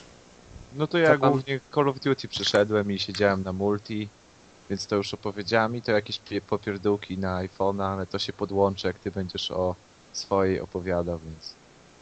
No dobrze. Czyli to przechodzimy dalej płynnie do Adama. Adam, Więc tak, ja króciutko o Falloutie. Tak. Ostatnio nam trochę wyszła długa rozmowa i Deusz nie wierzył, że będzie króciutko, ale się postaram. Chyba, że będzie, będę się z Kazem kłócił. no, ja Pod- w sumie podstaw w zasadzie jeszcze, żeby cię kłócić, ale mów. Znaczy kłócił, bo, bo też grałeś, więc możemy porozmawiać. Natomiast ja pograłem e, jakieś 6 godzin, w piątek kupiłem i, i znalazłem akurat tyle czasu, żeby w to pograć. E, no i co, no graficznie, no to, to, już, to już mówiliście, że to jest samo co, co Fallout 3. Natomiast przede wszystkim jest fajniejsza fabuła, fajniejsze są dialogi, fajniejsze są wybory. Czyli to, co jest w RPG-u dla mnie najważniejsze, poprawili, to weszło na wyższy poziom i nie ma jakichś Powiedz mi, jakie miałeś wybory w ciągu tych 6 godzin, bo ja w ciągu 3 godzin gry nie miałem chyba żadnego. A czy może nie były też jakieś duże wybory, natomiast widzę, że już, że, że nie jest to jak było w Falloutie Trójce, gdzie te wybory były bardzo proste i w ogóle praktycznie bez konsekwencji. No tutaj nie wiem, no chcesz, żebym ci zaspoilował coś? Dobra, to może nie spoilu, nie? Ważne, że są, ale to, to Natomiast wydaje mi się, że wy, wy, wybory już jakieś są i się rysuje powoli, powoli ten świat i, i to, że ja mam na, nie, na, na niego jakiś wpływ. E, No i co? Klimat jest super, bo to jest taki właśnie dziki zachód postnuklearny, e, czyli kiedy słuchamy radia, to lecą jakieś piosenki country o kowbojach i tak dalej, a my idziemy przez jakąś prerię spaloną i, i mijamy, nie wiem, jakieś powalone budynki i walczymy z tymi, e, z tymi zmutowanymi zwierzakami. I w ogóle no po prostu klimat i fabuła mnie totalnie wciągnęły, ale jest problem z bugami, bo piątek, kiedy usiadłem i grałem ze 3, go, 3 godziny, dwu, ostatni zapis zrobiłem po dwóch godzinach gry, no i później jako, że nie jestem przyzwyczajony do tego, żeby zapisywać, Ale ona to- się też zapisuje, nie? tak, tak, ale właśnie jak gdyby w, e, w pewnym momencie, nawet nie zauważyłem kiedy, bo właśnie później grałem przez godzinę bez, bez wchodzenia do menu save'a, bo tak właśnie też sobie myślałem, że sam się gdzieś zapiszę i tak dalej, i tak dalej. No ale się okazało, że od godziny save'y nie działały.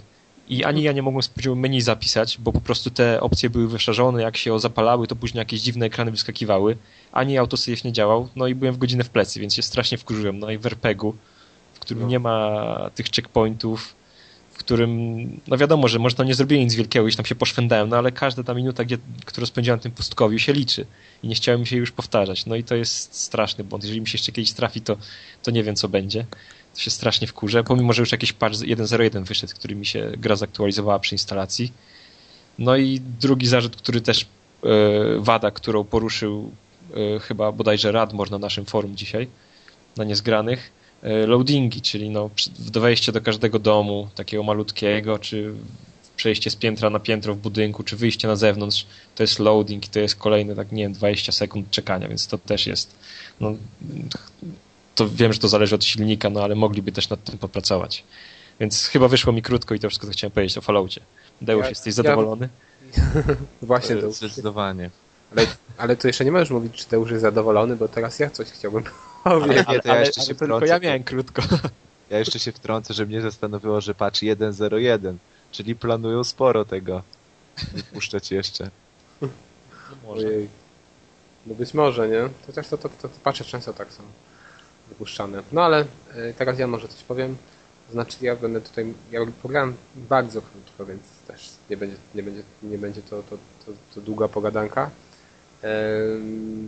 Ja generalnie w Fallouty nie grałem. Pamiętam, że odpaliłem kiedyś pierwszą część, ale już dużo, duży okres po premierze.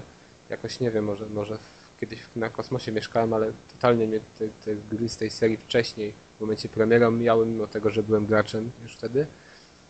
No ale odpaliłem sobie New Vegas, pożyczone właśnie tutaj od Marcina. I em, no co mi się rzuciło w oczy? Bardzo fajnie faktycznie prezentuje się klimat, to znaczy te, te, ten postnuklearny dziki zachód. To mnie kupiło, można powiedzieć. Grafika jest y, brzydka. Jak włączyłem sobie taki tryb, żeby widzieć moją postać z pleców, to Nie, nie graj tak. no właśnie ona się, ona wygląda no, tragicznie wręcz. Jej poruszanie się to coś strasznego, ale powiedzmy, że takie aspekty można przeżyć. Tylko no nie wiem, no. Pograłem te 3 godziny, dostałem jakiegoś tam questa takiego drobnego, że muszę coś tam znaleźć. Cofam się dosyć długo do miejsca, w którym to coś leży. Znalazłem to, muszę się cofać znowu do tej postaci, która mi tego questa zleciła i znowu tak idę z 5 minut po tych szarym pustkowiu i mogę powiedzieć, że na razie to no ciężko wchodzi.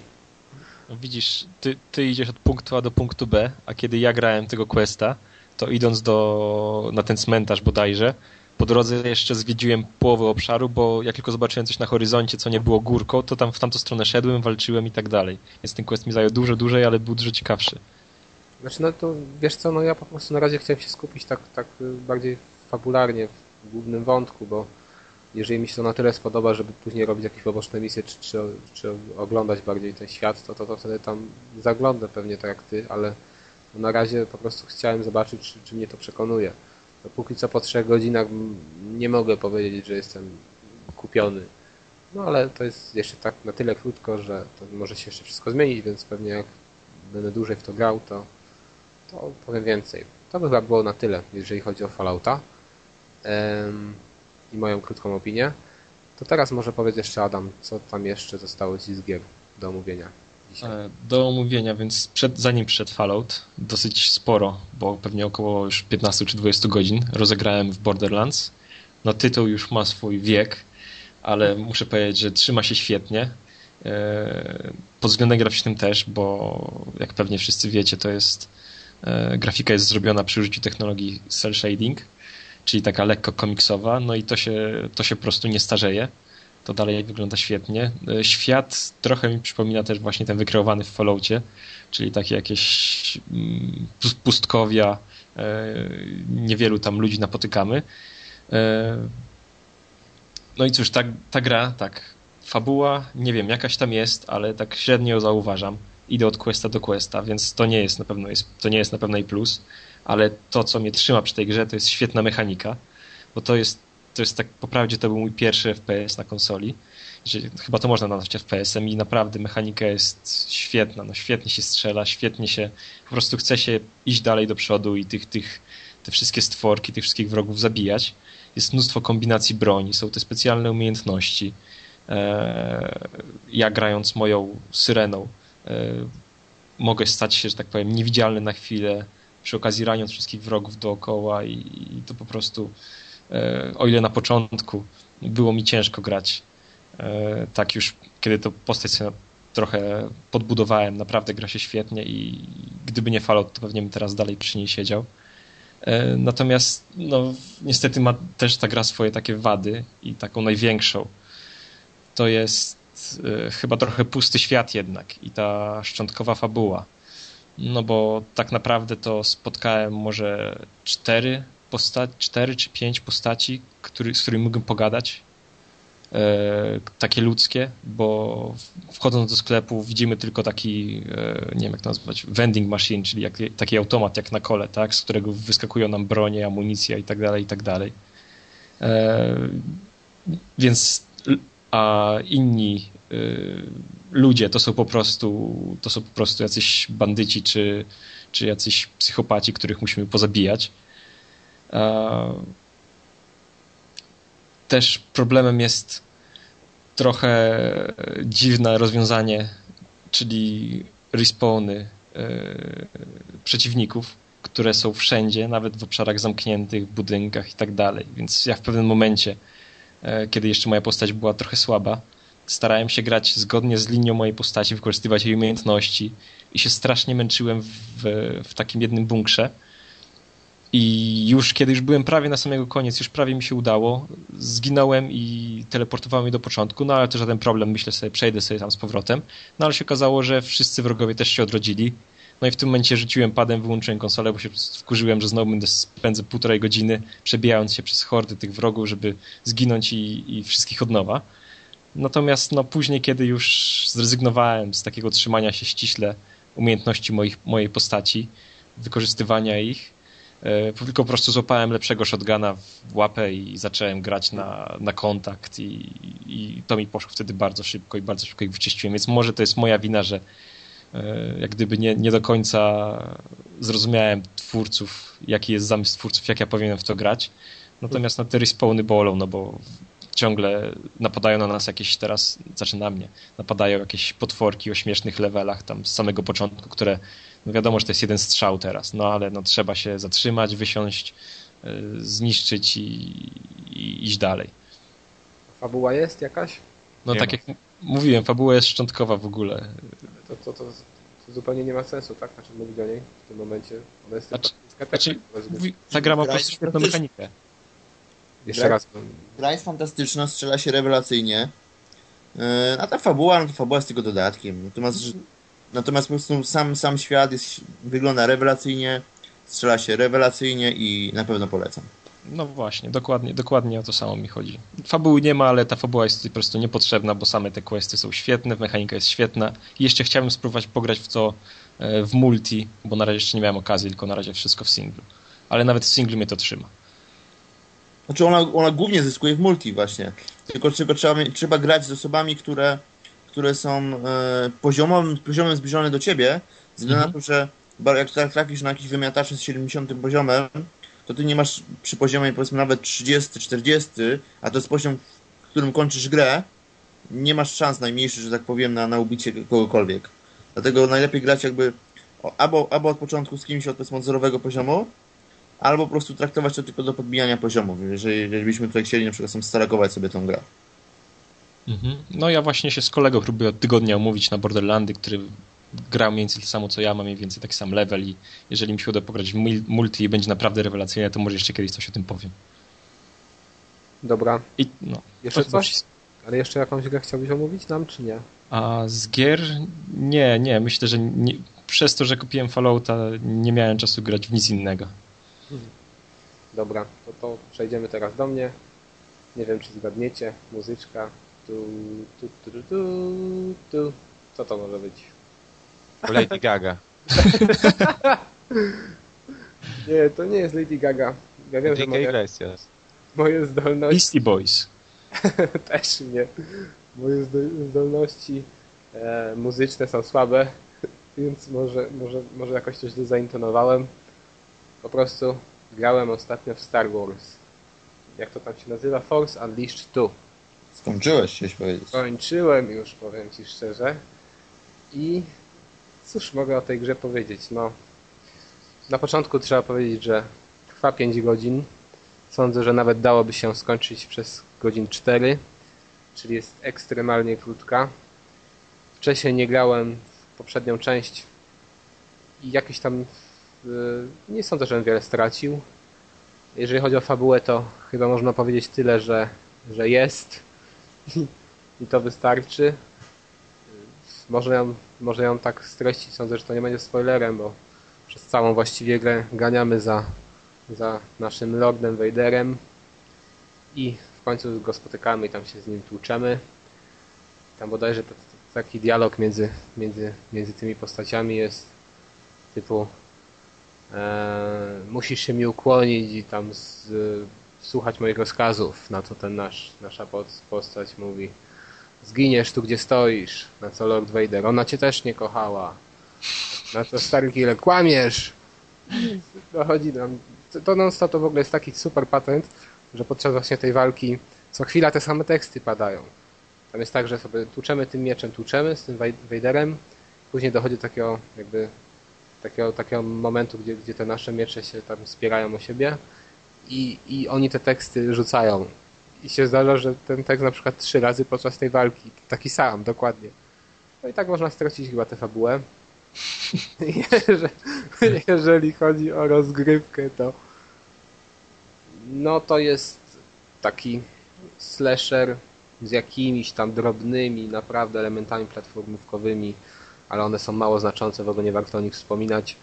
E, Tam gdzieś na pudełku chyba był opis, że są zagadki. Ja tam żadnej zagadki nie uświadczyłem, ale nie, nie wiem, może jestem przewrażliwiony, ale naprawdę tam żadnych zagadek nie było.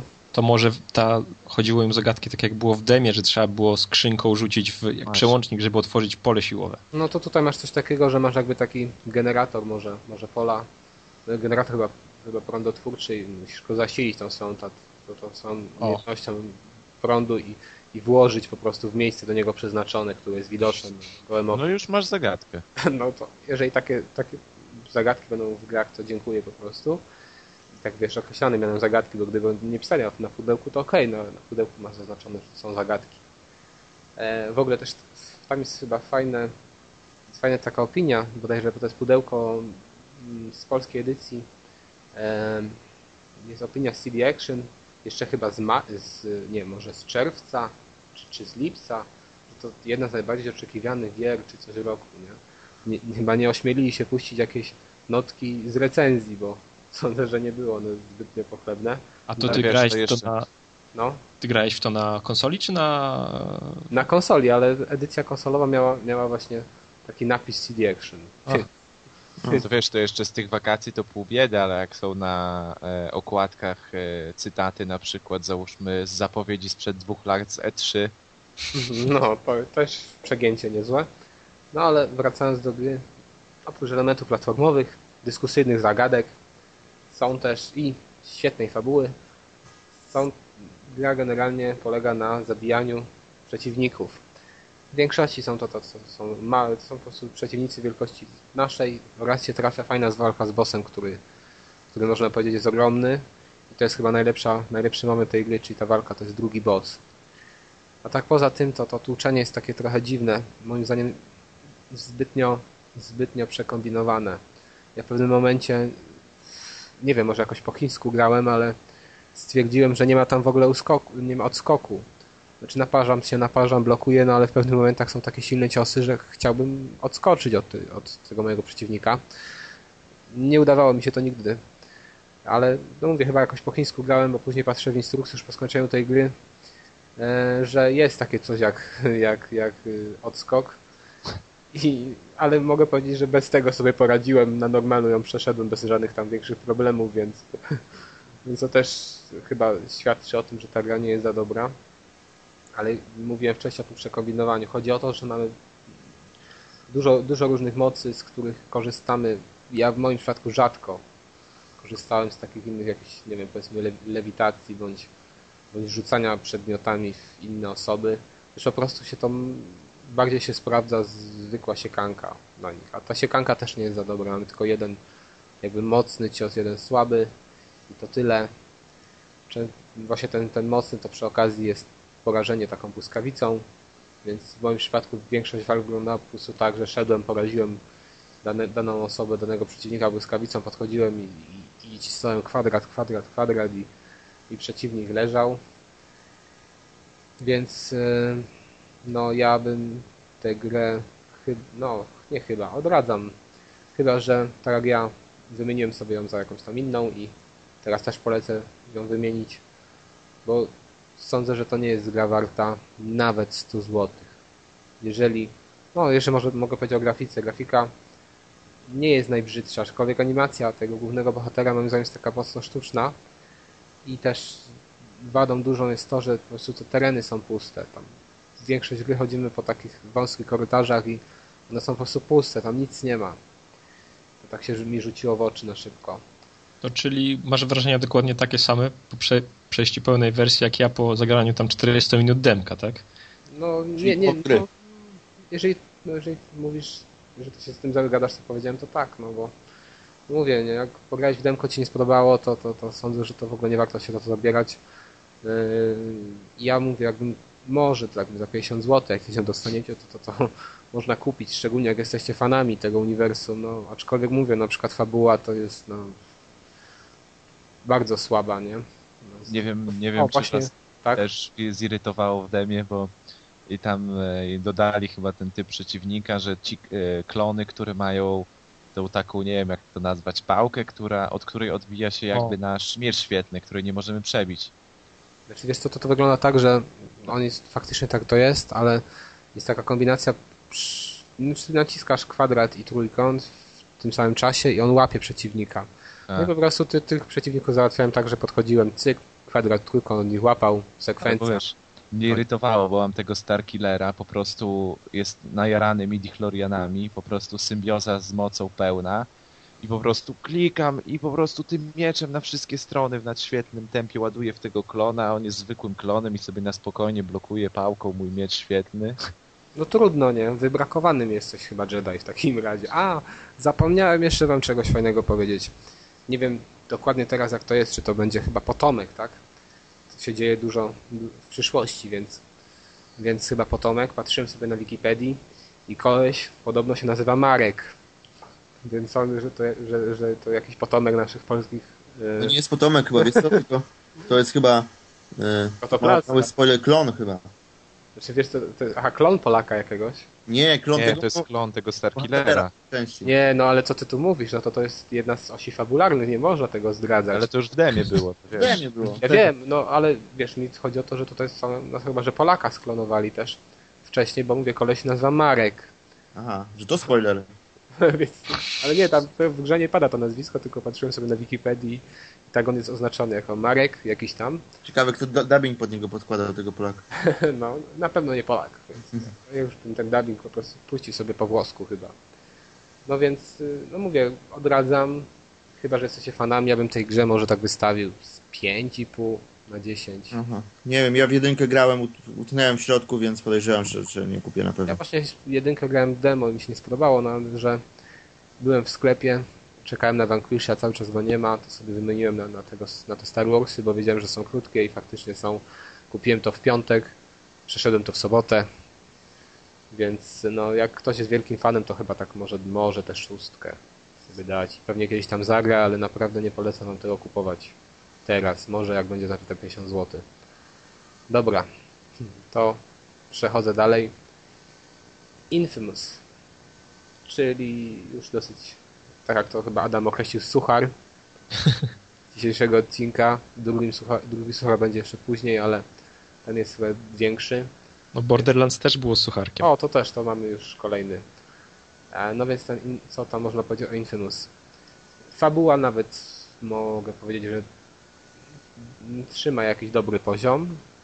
Na początku jest tak dosyć słabo prowadzona, jest, wol, wolno się rozkręca, ale później jest lepiej. Szczególnie fajny moment jest, jest taki twist fabularny, gdzie już faktycznie jesteśmy wygłupieni, czy, czy, czy, czy to, co robimy jest dobre, czy to, co robimy jest złe, czy, czy powinniśmy komuś tam ufać, a, a, może nie ufać komuś innemu. To jest dosyć fajne. Samo zakończenie jest fajne. W ogóle polecam Wam, jeżeli ktoś chciałby zagrać w drugą część, to powinien skończyć część pierwszą. Takie mam wrażenie. Bardzo fajnym elementem w tej grze są y, momenty wyboru. To znaczy możemy sobie wybrać, czy zrobimy dobry uczynek, czy zły. Na przykład e, mamy jakąś postać z tłumu atakowaną przez, przez naszych przeciwników e, i możemy sobie w tym momencie albo odejść i nasza karma zmienia się na negatywną, bądź też pomóc tej osobie i wtedy uzyskujemy jakieś tam punkty karmy pozytywnej, co ma duże znaczenie w późniejszym czasie, bo możemy wykonywać, jeżeli mamy odpowiednio dużo karmy pozytywnej, możemy wykonywać zadania, które są przeznaczone tylko właśnie dla bohaterów, powiedzmy, tego miasta, bądź też, jeżeli mamy dużo karmy negatywnej, możemy wykonywać inne zadania, które są przeznaczone dla tego bohatera negatywnego. To jest bardzo fajne. W ogóle, czym jest ta gra? Ta gra jest takim sandboxem, aczkolwiek tam nie ma motywu jazdy samochodem, dlatego że nasza postać jest wyposażona w takie różne moce. Zaczyna się, mogę powiedzieć też trochę o fabule, żeby to nakreślić jak to wygląda. To znaczy, mm, jesteśmy kurierem, wieziemy jakąś tam paczkę, mieliśmy, mamy ją otworzyć w jakimś miejscu w mieście, otwieramy ją i nagle jest wielki wybuch który niszczy miasto, tam zaraża podobno jakąś tam epidemią ludzi. Dzięki też temu wybuchowi my jako bohater zyskujemy nowe moce. Kontrolujemy prąd, który pobieramy z różnych miejsc w mieście. Później możemy sobie na przykład po przewodach e, takich prądowych jeździć, po liniach trakcyjnych, kolejowych. E, możemy rzucać jakimiś takimi granatami z prądu. Strzelamy w ogóle, strzelamy takimi właśnie błyskawicami. Bardzo fajnie się to prezentuje. Właśnie to przemieszczanie się na tych drutach e, jest też świetne. Nie wiem, czy miałbym bardziej do zarzucenia, jeżeli chodzi o mechanikę gry. Jest ona też e, dosyć trudna. Miałem takie momenty, że parę razy musiałem powtarzać daną sekwencję. E, ale to sądzę, że jest zakład pozytyw.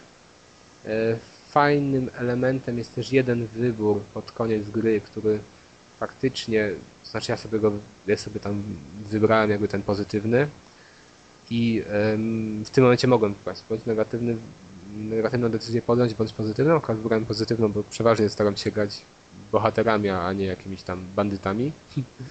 I e, takie to było fajne, że od razu sobie jak wybrałem pozytywny, pozytywną drogę, spojrzałem sobie później do internetu, jak wyglądała ta negatywna. Mnie to tak zastanawiało, bo to jest tak fajnie zrobione. Taki można powiedzieć typowy szantaż dla naszego bohatera i teraz musimy wybierać między właściwie jednym złem a drugim. I to jest bardzo fajne. Graficznie prezentuje się też dobrze, aczkolwiek no modele postaci, poruszania się, znaczy animacja postaci jeszcze jest ok, ale twarze wyglądają strasznie. Sądzę, że to nie jest takie ważne akurat, bo to jest sandbox, więc to można, można, można to jakby e, odpuścić sobie i nie przywiązywać do tego większej wagi. Tak poza tym bardzo fajnym elementem jest wspinanie się, to znaczy mamy taki bardziej uproszczony model jak w Assassin's Creed. Wspinając się budynka, na każdy taki budynek możemy się wspiąć, z tym, że jest to dużo łatwiejsze niż w przypadku Assassina i moim zdaniem takie bardziej arcade'owe można tak to określić, ale też lepsze. Ja mam takie wrażenie, że to jest lepsze, mi to bardziej odpowiada. E, no i co jeszcze mogę powiedzieć? No, grę generalnie polecam i naprawdę warto, tym bardziej, że teraz jest e, w niskiej cenie ją nabyć, ale z jednym zastrzeżeniem, to znaczy ona wyszła w polskiej wersji językowej i jak lubię grać w polskie wersje językowe, tak ta mnie, można powiedzieć, nie przekonuje. E, jeżeli chodzi o głos głównej postaci i jego tam najlepszego przyjaciela, jeszcze jest w miarę ok. Natomiast głos takiej postaci, która nam cały czas przez słuchawkę mówi, jakie nowe zadania mamy wykonywać, z takim jakby naszym przewodnikiem, to jest okropny. To jest katastrofa totalna. Zupełnie się ta pani, bo to pani, kobiecy głos, nie potrafiła się wczuć w swoją rolę. Wyszło to naprawdę żenująco i wkurza przez całą w zasadzie grę. E, kolejnym takim elementem dotyczącym dubbingu, który jest nie do zniesienia są głosy postaci na ulicy. Znaczy my tam przychodzimy sobie i, i jeżeli jesteśmy tymi bohaterami, to ci ludzie tam się zwracają do nas pozytywnie. Tam ojej, spójrzcie, to on, coś tam, widziałem go, yy, pomóż nam coś, uratować kogoś. I to tak sztucznie brzmi. Ja nie wiem, jak oni to nagrywali. Prawdopodobnie wzięli kogoś z ulicy i jazda, nie tutaj pani coś powie do, do, do mikrofonu i, i tyle. Wyszło to źle, naprawdę źle i to była taka pierwsza gra od dawna. Kiedyś zastanawiałem się, czy nie przełączyć sobie, czy nie przełączyć sobie języka na angielski, ale tam bodajże w menu nie ma takiej opcji. Gdzieś czytałem, że chyba wcale nie ma opcji, znaczy możliwości przełączenia języka na inny. Więc to jest moim zdaniem duży fail. Ale poza tym to naprawdę gra jest fajna i każdy posiadacz PS3 powinien się nią zainteresować. To ja mogę powiedzieć, dodać jeszcze po 20 minutach obcowania z tą grą. To króciutko, no. Że tak, króciutko, że dubbing nawet tych głównych postaci strasznie mnie kłuł w uszy. Jeszcze no mówię, główne postacie, nie wiem czy tam się spotkałeś już, jesteś w momencie, gdy poznałeś te moje? Nie, nie, nie, nie, nie. Na razie tylko praktycznie z tymi dwiema głównymi postaciami chodziłem, ale już oni nawet mnie denerwowali. Co to poczekaj sobie na moje. No. A, a jeszcze jedna uwaga do tego, co powiedziałeś, porównując tą grę do Asasyna. E, to moim zdaniem mechanika wspinania i to, że postać się trochę wolniej rusza jest fajniejsze Ale to wiesz co, to może Asasynie niż... poczekamy, bo zaraz powiem o Asasynie. Tak. I tam, tam też tę kwestię poruszę, więc zaraz, no już teraz mogę o tym powiedzieć. Mamy pierwsze płynne przejście. Mamy pierwsze płynne przejście. Assassin dwójka. Grałem w jedynkę. Była to gra mocno przehypowana. Też się na ten hype jakby nakręciłem. Nakręcił mnie on do tego, żeby te w tą grę zagrać i no rzuciłem ją po bodajże przejść świetnego miasta. Mraziła mnie kuła swoją powtarzalnością. Więc podziękowałem. Tutaj teraz y, zdarzyło mi się zagrać już chyba w marcu. Pożyczyłem tę grę od kolegi. Y, pograłem no może z 4, może z 5 godzin. Generalnie mogę powiedzieć, że mi się bardziej podobała. Aczkolwiek chyba nie na tyle, żeby ją z marszu skończyć. Odłożyłem ją. Teraz miałem tak, taki moment, że mm, no jakoś nie bardzo miałem w co grać. więc odpaliłem sobie ją ponownie i no muszę przyznać, że generalnie bardzo ładną ma grafikę, czego wcześniej jakoś nie wiem dlaczego nie zauważyłem. Bardzo ładnie ona wygląda, szczególnie na przykład miasto, mury miasta, dach, jakaś dachówka, która faktycznie wygląda jak prawdziwa na, na, na, na dachach e, budynków. Bardzo to ładnie wygląda. Postacie wyglądają gorzej, ale mm, no mówię, pograłem sobie znowu trochę i jednak nie wiem, czy tę grę też ukończę. No to, co ty? mnie, no, to, co mnie tam irytuje, to jest po prostu sterowanie. Ale sterowanie jest banalnie proste. Tylko trzeba... Sterowanie, nie wiem, może jest proste, ale jest moim zdaniem tak jakoś nieintuicyjne. Jest Właśnie jest najbardziej intuicyjne. W życiu. Po pro... Przecież Dwa przyciski, dwa przyciski możesz Tak. wejść na każdą wieżę. Gałeczka, gałeczka do przodu i... Wiesz co, nie, pograliście, nie graliście w Infamous, tam jest to lepiej moim zdaniem zrobione. Łatwiej to wszystko. Tutaj jest to, to tak toporne. Tutaj jest w ogóle, moim zdaniem jest pieprzone w pewnych momentach. No nie wiem, był taki, taki motyw grobowca asasynów, gdzie się wchodzi, trzeba takie czasówki jakby zaliczać. No tak. I myślałem, że po prostu rzucę padem w pewnym momencie, jak tam gdzieś do jakiegoś grobowca wszedłem.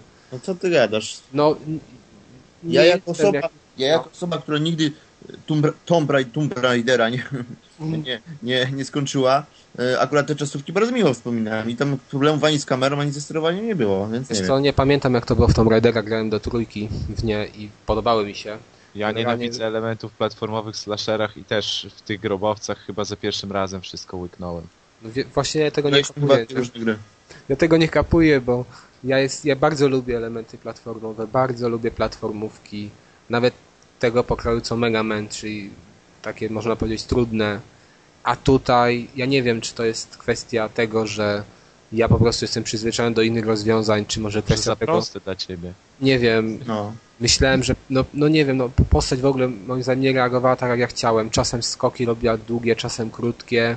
W zasadzie nie wiem czym to było spowodowane, gdy wciskałem ten sam klawisz w tym samym momencie.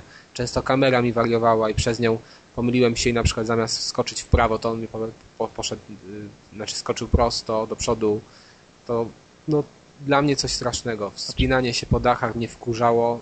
Jest takie dosyć długie, mozolne e, pościgi za postaciami. Też miałem często taki moment, że mm, ścigam jakąś postać po dachu i przez kamerę spadam z tego dachu. Albo ja się z Kazem trochę zgodzę, bo znaczy o ile strasznie mi się podobał Assassin 2 i mam prawie scalakowanego, tylko zostało mi parę, nie wiem, chyba dwa piórka do zebrania, no to też czasem to sterowanie jednak ta postać zazwyczaj słucha tego, co chcemy, wybiera odpowiednio drogę, ale czasem, kiedy na przykład w czasie pościgów e, zamiast pójść po belce albo po prostu pójść po niej, to on zeskakuje z dachu i trzeba wrócić, wskoczyć na tę belkę jeszcze raz, no i te, te momenty się zdarzają, no to sterowanie nie jest idealne. Ten algorytm mogliby jeszcze dopracować. No dokładnie, ja też miałem podobnie z, na przykład z chyba tam śledzeniem kogoś, że tam w pewnym momencie mnie wykrył, gdzie sądzę, że byłem tak ukryty, że, ukryty, że nie powinienem zostać wykryty, a w innym momencie, nie wiem, szedłem praktycznie koło tej postaci i nic, żadnej reakcji. No, a może byłeś schowany w tłumie, jak szedłeś obok niego. Nie, nie, nie, nie, nie, akurat to, jest, to, to, to na pewno nie. No, w każdym razie, no, moim zdaniem podstawa w tej grze, właśnie to trochę na tym boleje, bo fabuła się, szyb, się dosyć fajnie klaruje, Mm, sądzę, że może być nawet niezła, ale no, nie wiem, czy ją skończę. Taki element główny, czyli skakanie, które jest tam podstawą, spinanie się, no mi nie odpowiada po prostu. Nie wiem, może faktycznie tutaj słyszę, że wy nie lubicie platformówek, wam się podoba, ja lubię, mi się to nie podoba. Może po prostu jestem przyzwyczajony do innych rozwiązań i, i, i jestem mocno konserwatywny i nie mogę, nie mogę się po prostu na tego asasyna jakoś przestawić. Nie, wie, nie wiem, czym to jest spowodowane. W każdym razie po tej, po tej znowu kilku godzinach gry nie wiem, czemu kończę. Czyli A tutaj- trójkę nie zagrasz. Na, na pewno, jeżeli chodzi, właśnie to też podpaliłem trochę z tego względu, że niedługo wychodzi właśnie ta trójka. Wie, o, przy, a, już wyszła. Dwa i Przekon... Dwa i pół. Przekonam się do niej, może do tej dwójki i kupię sobie trójkę, bo takie fajne wydanie i w ogóle te, te, ten Kopernik, może będzie Polakiem. A tutaj co, no. Pograłem i już wiem, że na pewno tej, tej 2,5 nie kupię w tym momencie. Jeżeli coś, to może, może za, za rok, za dwa. Jeżeli tą dokończę i, i będę, nie wiem, fabuła mi się na tyle będzie widziała, że, że warto będzie w tę drugą zagrać, bo w tę, w tę następną część zagrać. No bo jeżeli chodzi o mechanikę, to, to ja jestem nieprzekonany do niej zupełnie. Mi to zupełnie nie leży. A walki Ci się podobały? Hmm. No walki, samo zabijanie takie z ukrycia jest dosyć fajne, ale czy walka, powiem Ci tak, średnio. Nie, nie, nie była to dla mnie żadna rewelacja, nie była to żadna duża wada, tak średnio dosyć mi się to widziało, nie? Aha. Najbardziej mnie odstrasza właśnie to, no to poruszanie się.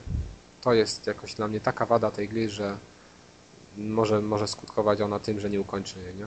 Dla mnie to walki były najgorsze, bo ile zabijanie takie e, w stylu asasyna, czy gdzieś tam ostrzami, czy od tyłu, było bardzo fajne, ale walki takie starałem się unikać za wszelką cenę, bo to po prostu mi nie leży. No, Kontra, ciągle kontra. No, nie wiem, no mówię, nie, że dla mnie to takie mocno średnie jest. Też to nie jest żadna taka, taka zaleta tej gry, która by powodowała, że chcę dalej w nią grać. Jedyną chyba taką, tak, tak, taką funkcją jest to, że znaczy, t- y, takim motywem jest fabuła, nie? która by mnie popychała dalej, ale no nie wiem, czy, czy przeboleje to, to sterowanie. No dobra, to chyba tyle odnośnie Asasyna. I już ostatnia gra, w zasadzie gierka na iPhone'a, tutaj chyba to Padre miał taki cykl na naszej stronie niezgrani.pl e, Indie Games, coś tam tydzień z Indie Games chyba i prezentował różne gry, które są dostępne na, na właśnie na, na Xbox Live Arcade e, w dziale Indie Games i tak sobie patrzę, tam jedna taka gierka właśnie The, The Impossible Game e, jest to taka fajna platformówka spojrzałem sobie, czy jest może na iPhone'a i się okazało, że jest. Zakupiłem, pograłem muszę powiedzieć, że to jest po prostu rewelacja. To jest na razie chyba najlepsza gra, w jaką grałem na iPhone'a. No nie mam iPhone'a długi czas, bo może teraz 3 tygodnie, ale pograłem w parę gier i to jest dla mnie póki co y, pierwsza, najlepsza. E, Jest to zwykła platformówka, najprostsza z możliwych. W ogóle w takiej fajnej konwencji podana. To znaczy jesteśmy takim kwadracikiem i musimy przeskakiwać przez szkody, ewentualnie wspinać się na inne kwadraciki. I ona jest bardzo szybka, bardzo trudna, nie wybacza żadnych błędów, dlatego jest, mogę po- porównać to z Megamanem. W ogóle jest tak fajna muzyka podczas, to jest jedna plansza, na iPhone'ie są dwie. Ale bo Xbox- trzeba jeszcze jedna. powiedzieć, że tu No. muzykę jakby bez muzyki się nie da tak naprawdę przejść planszy. Znaczy wiesz co, ten, ten no, da się mnie, bo mm, ona często właśnie współgra z naszymi ruchami, nie, że To właśnie ona chyba zawsze współgra, bo ja też sobie ściągnąłem tak, i ona zawsze ws- chyba współgra z tymi ruchami. I trzeba jeszcze powiedzieć, że tak naprawdę my tym kwadracikiem możemy tylko podskakiwać, bo on sam jedzie w prawo jakby. no tak jakby się przesuwa albo on w prawo, albo ta, ta plansza, bo to do końca A, nie wiem. My, my w zasadzie mamy jeden przycisk odpowiada za skok i tyle, nie? Jeżeli go trzymamy dłużej, to po prostu nasza, na, na, nasza y, postać, czyli ten kwadrat odbija się jak trochę piłeczka ping-pongowa. To też ma znaczenie, bo czasem trzeba po prostu trzymać dłużej przycisk, czasem trzeba puścić. Ale wiesz co, Deusz, ja sobie grałem na iPhone'ie i tam jest jeszcze dodatkowy level, taki typowy dla iPhone'a, tylko dla iPhone'a. I, yy, No to ja też grałem właśnie. No, Aha, na iPhone'ie. No, no, no. No to wydawało mi się, że ten level właśnie jest tak mniej związany z muzyką, bardziej jest ten z Xboxa, bo tam później masz, masz pograć też level z, z Xboxa. No w każdym razie nie wiem, jak, jak ty to odbierasz, ale moim zdaniem ta muzyka jest świetna, nie? Ona popychała mnie zupełnie do tego, żeby jeszcze jedną próbę mieć, żeby dalej coś tam y, spróbować przejść. No, czy tylko, też ze względu na, rozgry, na rozgrywkę, która również jest bardzo fajna, ale ta muzyka no, też dopingowała do tego, żeby jednak y, cały czas próbować. Udało mi się ukończyć właśnie ten, ten jeden level, który jest też na Xboxie. Tego jeszcze, który jest na iPhone'ie, jeszcze nie ukończyłem, ale sądzę, że to zrobię, bo warto temu poświęcić kilka godzin. To jest idealna gra na przykład autobusu. Mamy chwilę czasu, odpalamy. Jeżeli uda nam się przejść tak bez, z marszu, to, to trwa dwie minuty, ale ja już pograłem w to może z 5 godzin i, i dopiero teraz udało mi się przejść ten jeden level więc y, no, muszę ją polecić. Ona jest bardzo tania, ona kosztuje tam bodajże 79 eurocentów na iTunes i 80 punktów Microsoftu na, na Xbox Live Arcade, nie? Że nie wiem jak Deusz, ale ja ją szczerze polecam i Nie, tak zdecydowanie.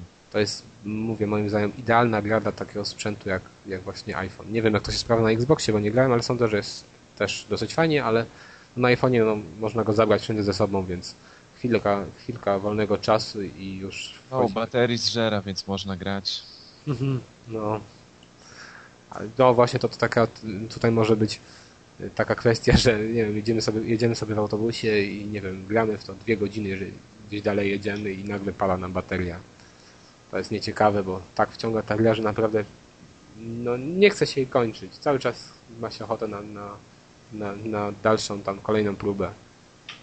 No, to chyba by było na tyle, jeżeli chodzi o, o gry, o których chciałem powiedzieć. Czyli generalnie można powiedzieć, że my z Deuszem polecamy bardzo tę, tę, tę, tę grę, tym bardziej, że ona jest bardzo tania. E, co tu jeszcze?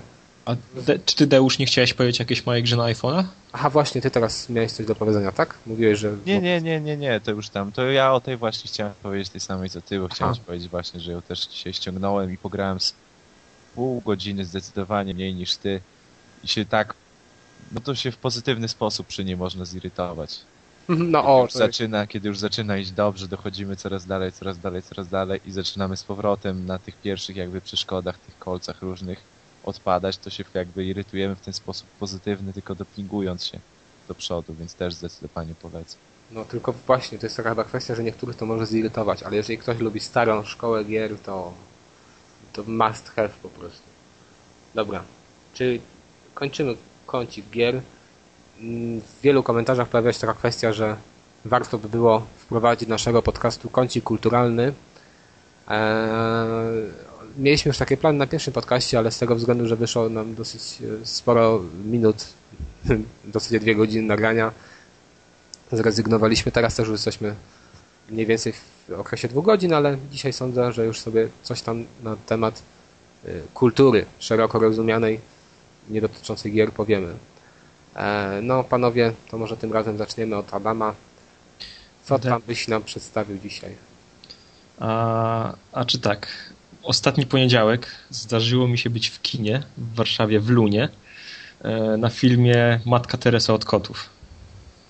I w ogóle śmieszna historia jest, znaczy może nie śmieszna, ale ciekawa, cie- ciekawa sprawa jest taka, że idąc na ten film, w ogóle nie zdawałem sobie sprawy, znaczy o filmie słyszałem, natomiast idąc na ten film okazało się, że przed e, projekcją odbyło się spotkanie z reżyserem. I tak właściwie z przypadku miałem okazję też posłuchać, co reżyser ma do powiedzenia na temat tego filmu. Tym reżyserem jest Paweł Sala. Ja go szczerze mówiąc nie kojarzyłem, natomiast później sobie przeczytałem, że to, że, że, to jakiś reżyser teatralny, jakieś takie sprawy. I to jest jego debiut filmowy. O samym filmie. No film, jak to reżyser mocno zaznaczał, jest inspirowany faktami nie oparty na faktach, jak to często się widzi w napisach końcowych, tylko inspirowany faktami. Ponieważ bardzo, Chcę przerwać ci na chwilę, to jest Tak. bardzo fajne stwierdzenie, bo mnie często razi na przykład powiedzenie, że film jest oparty na autentycznych, czy tam na faktach, bo to jest śmieszne, no. Później możemy sobie poczytać w takim internecie, że to jednak właściwie to jest tylko takie wzornictwo minimalne i ty mówisz, No, że właśnie, właśnie dokładnie co teraz powiedziałeś, powiedział ten e, reżyser, że to jest inspirowane faktami, ponieważ co prawda ta historia w zarysach zdarzyła się naprawdę, natomiast e, on zmienił czas, miejsce, bohaterów, e, jak gdyby większość tła tego filmu, więc no, jak gdyby tutaj nie ma mowy o byciu opartym na faktach, to jest lu- luźna inspiracja faktami. E, No i co jest najciekawsze w tym filmie, e, co się najbardziej rzuca w oczy na samym początku, to jest to, to jest od, odwrócona narracja. To myślę, że dużo tutaj nikomu nie zaspoiluje. E, To chodzi o to, że obserwujemy od e, jak gdyby obserw... Słucham? Od końca? Tak, tak. Oglądamy film jak gdyby od końca, czyli widzimy najpierw wydarzenia z dnia, powiedzmy, dnia dzisiejszego, teraźniejszości i później scena po scenie cofamy się do, aż do, do, do, roku przed tymi wydarzeniami. O, to fajnie, E. to, to jak Memento, nie? Nie wiem, czy, widzieli, czy widzieliście No, Memento? Nie, nie widziałem, więc No, nie, nie mogę porównać. podobny motyw. Aha. E, No właśnie, więc to jest to, coś pierwsze rzuca widzowi w oczy. A Historia opowiada, e, film opowiada o takiej powiedzmy, że prawie normalnej, po prostu normalnej rodzinie. Nie jest to jakieś tam wyżyny społeczne, ale po prostu taka przeciętna rodzina. E, No i na samym e, początku filmu, czyli jak gdyby na samym końcu akcji, E, widzimy dwóch, dwóch chłopaków, młodych, braci, którzy są aresztowani przez policję za to, że zabili swoją matkę i jej ciało ukryli w szafie. I później cofamy się znowu dzień wcześniej i widzimy, jak to ciało jest odkrywane. No i teraz już dalej nie będę o fabule mówił.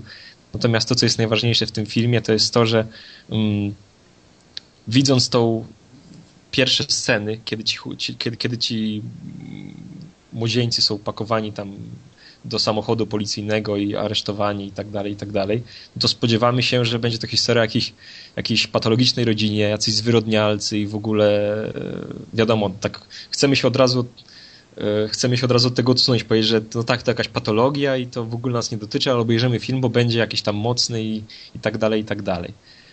E, no i film krok po kroku burzy to nasze pierwsze wyobrażenie, tak?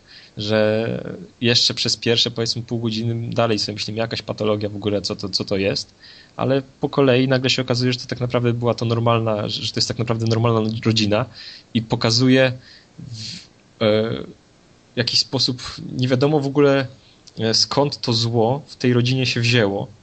Oczywiście ona ma swoje problemy, ale to zło jak gdyby tak e, krok po kroku krok po kroku przenika w sposób niezauważalny. E, I przez to nie, nie, możemy się zdystansować właśnie. To nie jest jakaś patologia, to nie jest coś takiego, od czego możemy się odsunąć, tylko ten film każe nam się zastanawiać, każe nam e, myśleć i też bardzo dużo jest z nim e, niedopowiedzeń.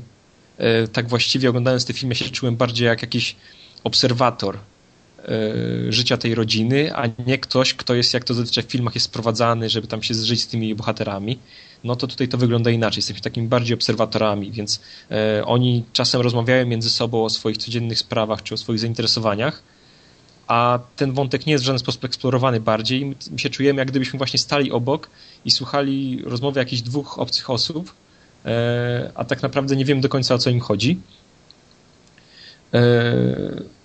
No i cóż, no film jest świetny. Pomimo tego, że ja niektóre wątki osobiście bym chciał bardziej rozwinąć, jak gdyby strasznie po wyjściu z kina strasznie mi chciałbym poznać więcej szczegółów z życia tej rodziny, ale to być może takie było założenie też reżysera, e, autora. E, no film jest po prostu świetny, świetnie się go ogląda i naprawdę nie jest to jakiś, nie jest to film taki na, e, żeby usiąść z popcornem i z kolą i się wyluzować a ja właśnie lubię, a ja lubię, kiedy film zmusza mnie do myślenia, kiedy film e, jak gdyby trzyma mnie w napięciu. A, no i cóż, no po prostu, jeżeli macie okazję kiedykolwiek iść do kina, zobaczyć ten film, to, to po prostu idźcie, dajcie temu reżyserowi zarobić, niech zrobi jeszcze więcej takich filmów, e, no bo to jest po prostu kawałek bardzo dobrego kina. Dobra. Jeszcze coś chciałbyś nam powiedzieć, czy nie? Odnośnie czegoś innego? Może znaczy nie, ja myślę, że się później przyłączy do Deusza, bo z tego co wiem, on będzie opowiadał o jednej ciekawej książce. Natomiast yy, może wy chcecie się coś zapytać odnośnie tego filmu, bo ja go po prostu polecam z całego serca. Znaczy, i... no i wiesz co, ja się zapytałem odnośnie tego, tego Memento, nie? Ale ty mhm. mówisz, że nie widziałeś go wcześniej, nie, więc nie masz takiego porównania, ale no z tego co, co mówisz, to chyba faktycznie warto, warto się na ten film przejść, bądź chociażby, nie wiem, w telewizji zobaczyć, gdy już to już będzie do takiej dystrybucji przeznaczony. A coś panowie, mają jakieś pytania, czy nie? Zasnęli obydwa. Zasnęli? Nie, nie, nie. nie słuchamy. O, tak, słuchają. To są, widzicie, do, dobrzy użytkownicy naszego forum i, i naprawdę... sobie. Tak. Dobrze, to y, teraz przechodzimy do, do Deusza. To właśnie nam Deusz chce powiedzieć o jakiejś książce. Tak. To ja ostatnio przeczytałem właśnie książkę Natalii Kluczariowej Wagon Rosja. I nie wiem jak wy, ale w moich żyłach chyba musi jakaś płynąć kawałek, jakiś pierwiastek rosyjski, bo no rosyjska literatura, literatura to co by, co by Rosjanie nie napisali, to ja to mogę przeczytać, mi się będzie podobało.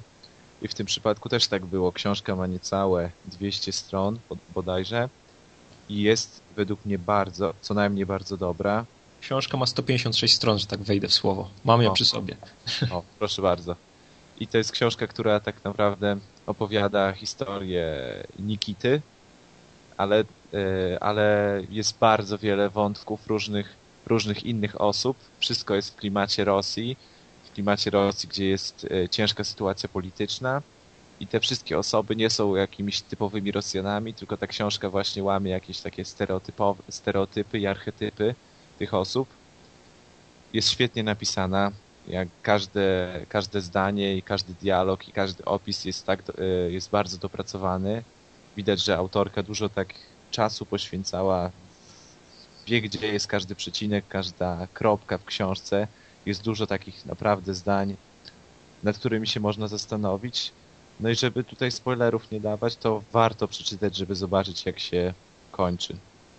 To powiedz mi, czy w tak krótkiej książce udało się naprawdę tak to fajnie wszystko spiąć, że, Wiesz, że mówisz, że to jest tak super? tak się dało, bo tu niby masz dużo postaci, ale właśnie tak jak mówiłem, że tak naprawdę jest przemyślane każde zdanie. Jeżeli nie trzeba było czegoś opisywać, albo jakiejś czynności, co wykonuje bohater, albo bohater czegoś nie musi powiedzieć dla rozwinięcia fabuły albo jakiegoś sensu rozmowy, to tego po prostu nie ma. Dlatego to jest jakby takie, rozumiesz, skoncentrowanie samego głównego wątku, tego, co ta książka jakby chce przekazać. Ja mogę powiedzieć, że w moim odczuciu ta, znaczy, bo w ogóle dzięki Deusz, bo to ty kiedyś umieściłeś chyba wpis na forum hmm. o tej książce i ja później poszedłem do księgarni i ją kupiłem, więc dzięki tobie ją przeczytałem. Ale to chyba jakiś czas temu było. Tak, ale ja mam taką kubkę po prostu książek. Aha. Czyli poleciłeś coś, czego sam nie przeczytałeś, tak? tak. no dobra, to, no ale w każdym razie kupiłem tą książkę i e, to jest w moim odczuciu, znaczy zaczynając, czytając ją od początku, na początku to wydawało się takim reportażem, tak? Bardziej reportażem z jakichś, z jakichś różnych miejsc, z, z podróży po Rosji. Natomiast w moim odczuciu ta książka im bliżej końca, tym bardziej przechodzi z reportażu, z takiego utrwalenia rzeczywistości w, e, w jakąś nie wiem, fantastykę, jakąś baśń, pomimo, że nie, nie lecimy w kosmos i UFO nas nie porywa, nic w tym stylu, ale natomiast nabiera takiego coraz bardziej nierzeczywistego klimatu, e, no fantastyka to było złe natomiast ten klimat robi się coraz bardziej nierzeczywisty i z reportażu to się za, robi się coraz bardziej, nie wiem, taki nieuchwytna taka fikcja trochę. Nie wiem, czy ty już też tak coś czułeś.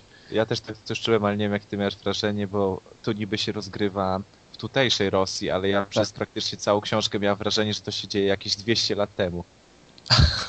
No nie, to takiego wrażenia nie odczuwałem. Albo, Mi się wydawało, że to jakieś 20 lat temu może, ale nie 200. A ja nie, właśnie jakieś takie, że wiesz, jeszcze początek jakaś tak e, rewolucji w Rosji, takie wkraczanie przemysłu i tak dalej, no ale to może tylko ja takie miałem wrażenie.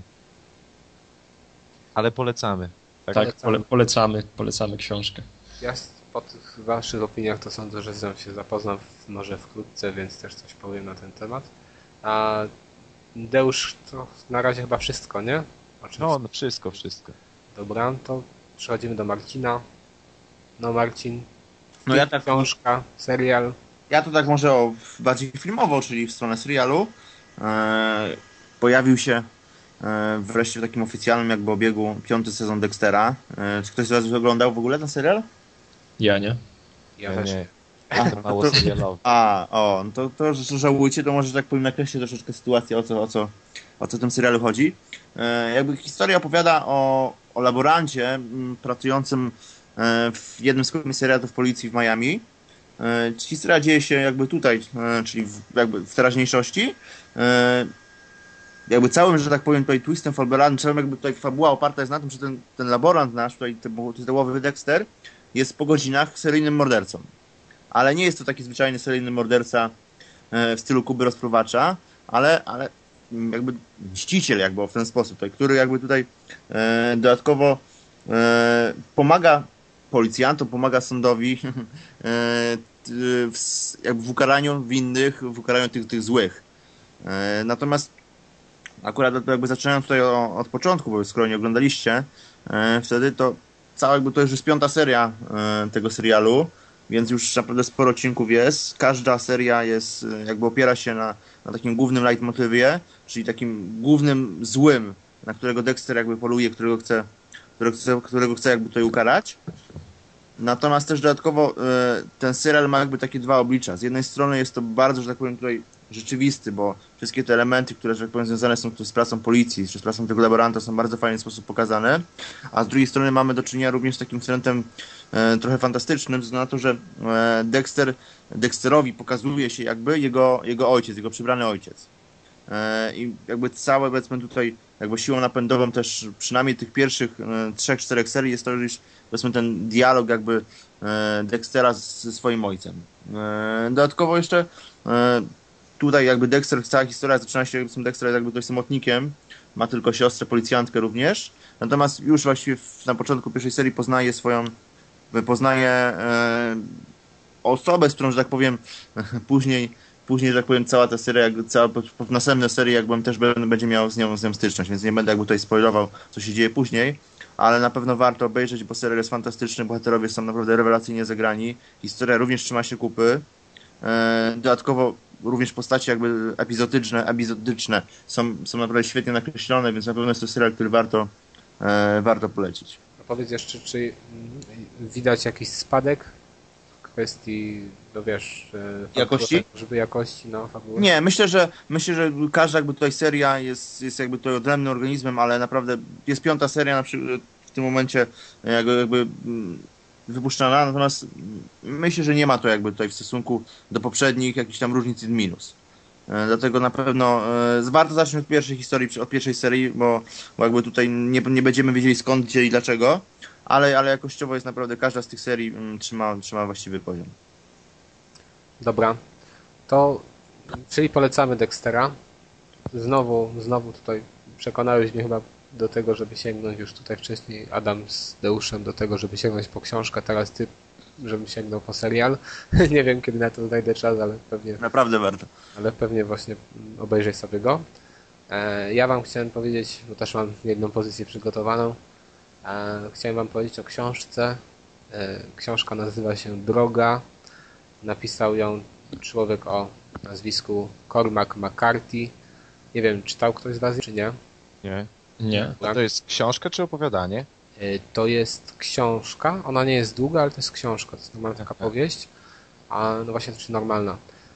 W ogóle mm, chciałem zacząć od tego, że czytałem ją dosyć długo. Ona jest krótka, bardzo krótka, ma 200, chyba 250 stron, coś koło tego, ale e, jest to dosyć dużą czcionką i, i mm, tak zorganizowane, że się czyta dosyć szybko, ale miałem z nią taki problem, że nie wiem, czy trafiłem na zły okres, czy, czy, czy, czy, czy to, że słońce świeciło, a w książce jest taki ponury klimat, ale nie mogłem sobie przebrnąć przez chyba 100 stron w przeciągu miesiąca.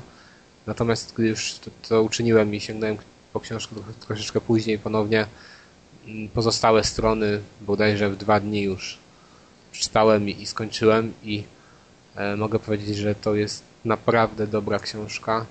E, jest, opowiada historię człowieka, dzieje się, znaczy człowieka, ojca i syna, o tak to można określić.